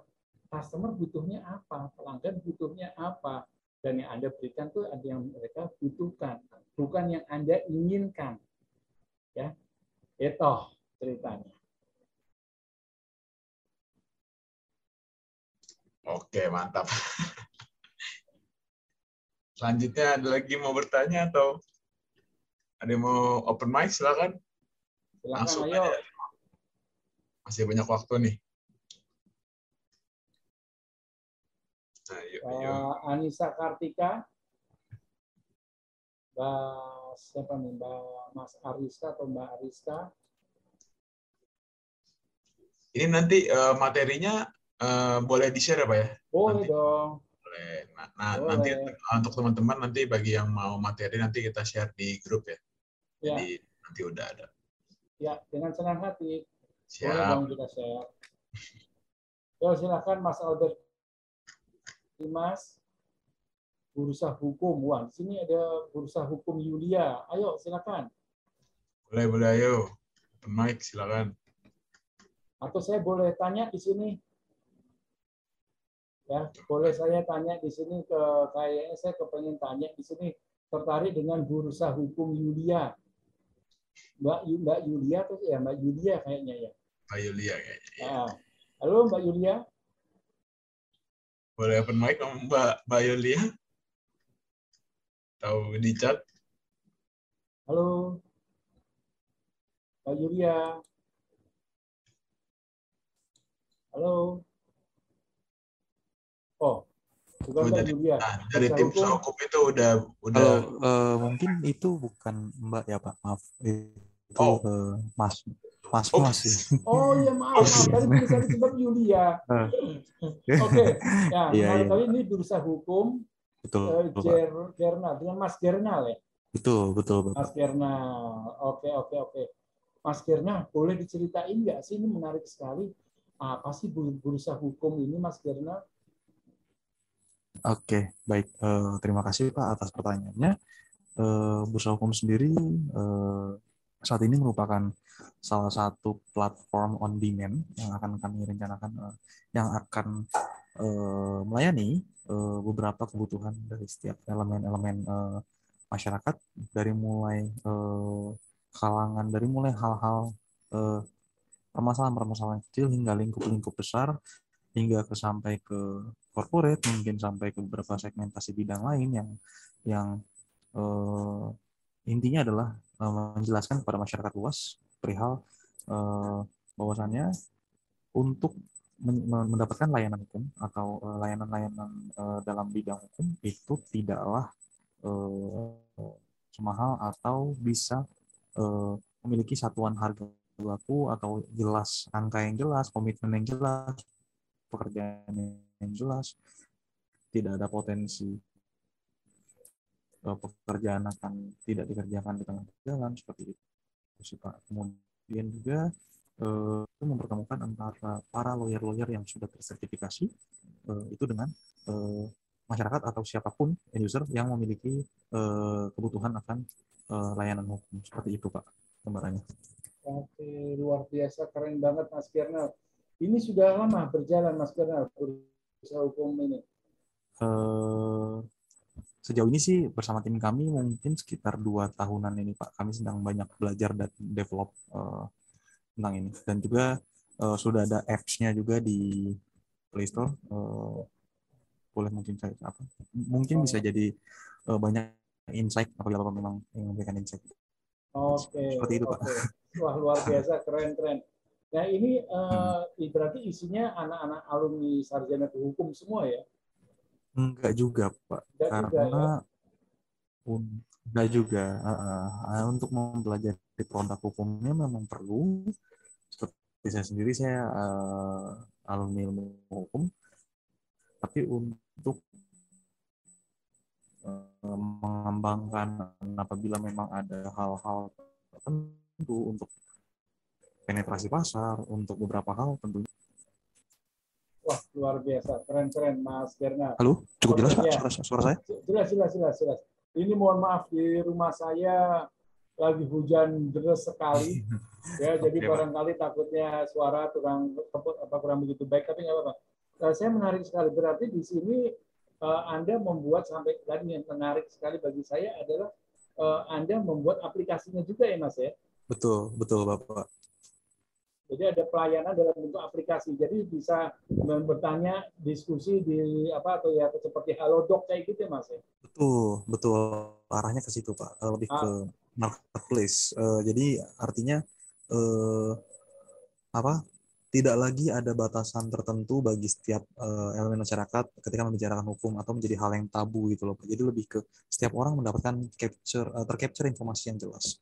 Uh, misal ada uh, masyarakat yang membutuhkan misalnya perizinan apa atau uh, membutuhkan pelayanan hukum seperti apa. Jadi banyak beberapa fitur di aplikasi tersebut seperti ada ruang penawaran hukum uh, apabila uh, ada beberapa masyarakat yang memang dirasa secara ekonomi atau secara finansial kurang uh, dapat disesuaikan, uh, dapat dilakukan perbantuan seperti itu. Gitu sih Pak.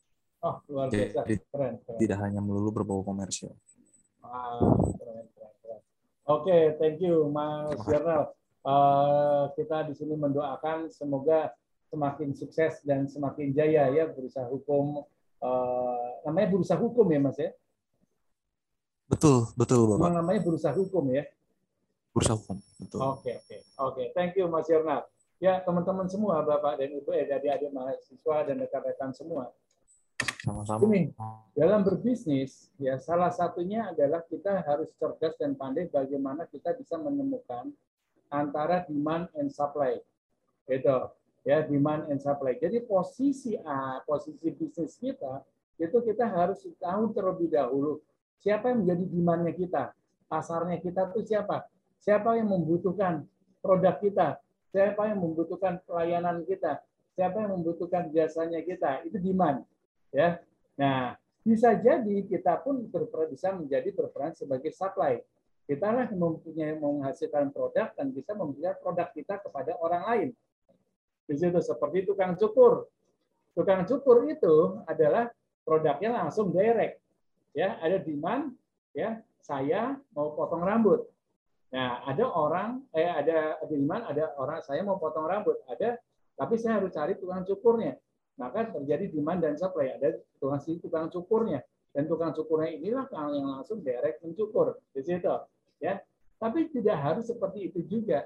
Bisa jadi kita sendiri yang jadi tukang cukurnya, bisa jadi kita tidak harus menjadi tukang cukurnya atau bisa merangkap kedua-duanya. Ya, yang penting harus ada demandnya dulu nih, pasarnya harus ada permintaannya dulu. Selanjutnya baru kita siapkan apakah diri kita bisa menjadi tukang cukurnya dan atau bisa jadi kita sebagai mediator di antara para tukang cukur. Ya, jadi bukan hanya kita saja yang punya tukang punya cukur tukang jadi tukang cukur. Ya, bisa jadi kita hanya untuk pegang manajemennya saja. Siapa yang tukang cukurnya? Wah, kita panggil, panggil teman-teman kita dari askar-askar itu. Ya, dari Garut, asli Garut. Ini kan para askar itu dari kampung kita panggil. Ya, yang chef kang ayo uh, ini mau ada motor cukur rambut ya. Atau mereka sudah ada di mana-mana kita buatkan aplikasinya. Nah itulah yang dilakukan oleh Gojek. Itulah yang dilakukan oleh Halodoc. Itulah juga yang dilakukan oleh bursa hukum ya. Jadi uh, keren sekali jika seperti bursa hukum di sini bisa bukan hanya Anda sendiri yang menjual produk Anda untuk customer Anda, tapi juga Anda di sini bisa mempertemukan antara demand dengan supply. Di situ ya mempertemukan eh, permintaan-permintaan dan Anda bisa mencari siapa yang bisa memberikan bantuan layanan hukum. Keren. Tinggal dilanjutkan saja itu ya. Itu luar biasa sekali Mas Kernal dari Bursa Hukum. Oh. Oke, silakan Mas Tio. Saya kembalikan oh, lagi kepada Mas Tio. Mantap. Baik, terima kasih Pak. Yes, sama-sama. Oke, terima kasih. Ya, uh, ini kayaknya udah nggak ada pertanyaan lagi ya Pak ya? Oke. Okay. Uh, ya uh, langsung aja nih. Jadi untuk teman-teman ya, YC minggu depan ada masih ada masih ada event uh, temanya adalah strategi komunikasi pemasaran. Nah ini pembicaranya dari tim Bluebird nih. Oh jadi uh, udah udah banyak banget ininya lah pengalamannya lah dari Bluebird pasti udah bakal banyak banget mentah daging semua nih. Jadi ditunggu nih ya hari Rabu minggu depan jam yang sama. Nah, sebelum saya tutup, uh, kita langsung dokumentasi yuk foto seperti biasa. Oke. Ayo teman-teman buka buka webcam ya. Boleh? Ayo, ayo ditunggu. Boleh, boleh.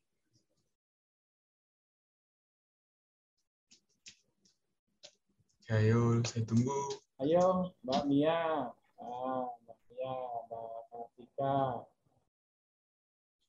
Mas Alifah. Eh, Mas Alifah atau Mbak Alifah. Mas Albert Dimas. Mbak Sanas. Mbak Safanah. Wah, Mbak Safanah ini juga dari perusahaan hukum juga.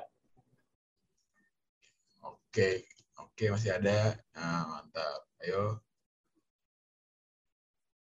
Oke, kayaknya langsung aja ya Pak ya, Perfect ya, dan okay. ya. Oke, untuk uh, tim Orbitin yang dokumentasi boleh langsung di-capture di slide satu dulu ya. Satu, dua, tiga. Oke, di slide dua. Satu, dua, tiga. Oke, terima kasih semua teman-teman. Terima kasih Pak Ervin. Oke, terima kasih Mas Dio dan kawan-kawan semua. Terima kasih sukses ya semuanya ya. ya. Ditunggu ya Rabu depan semuanya ya. Oke.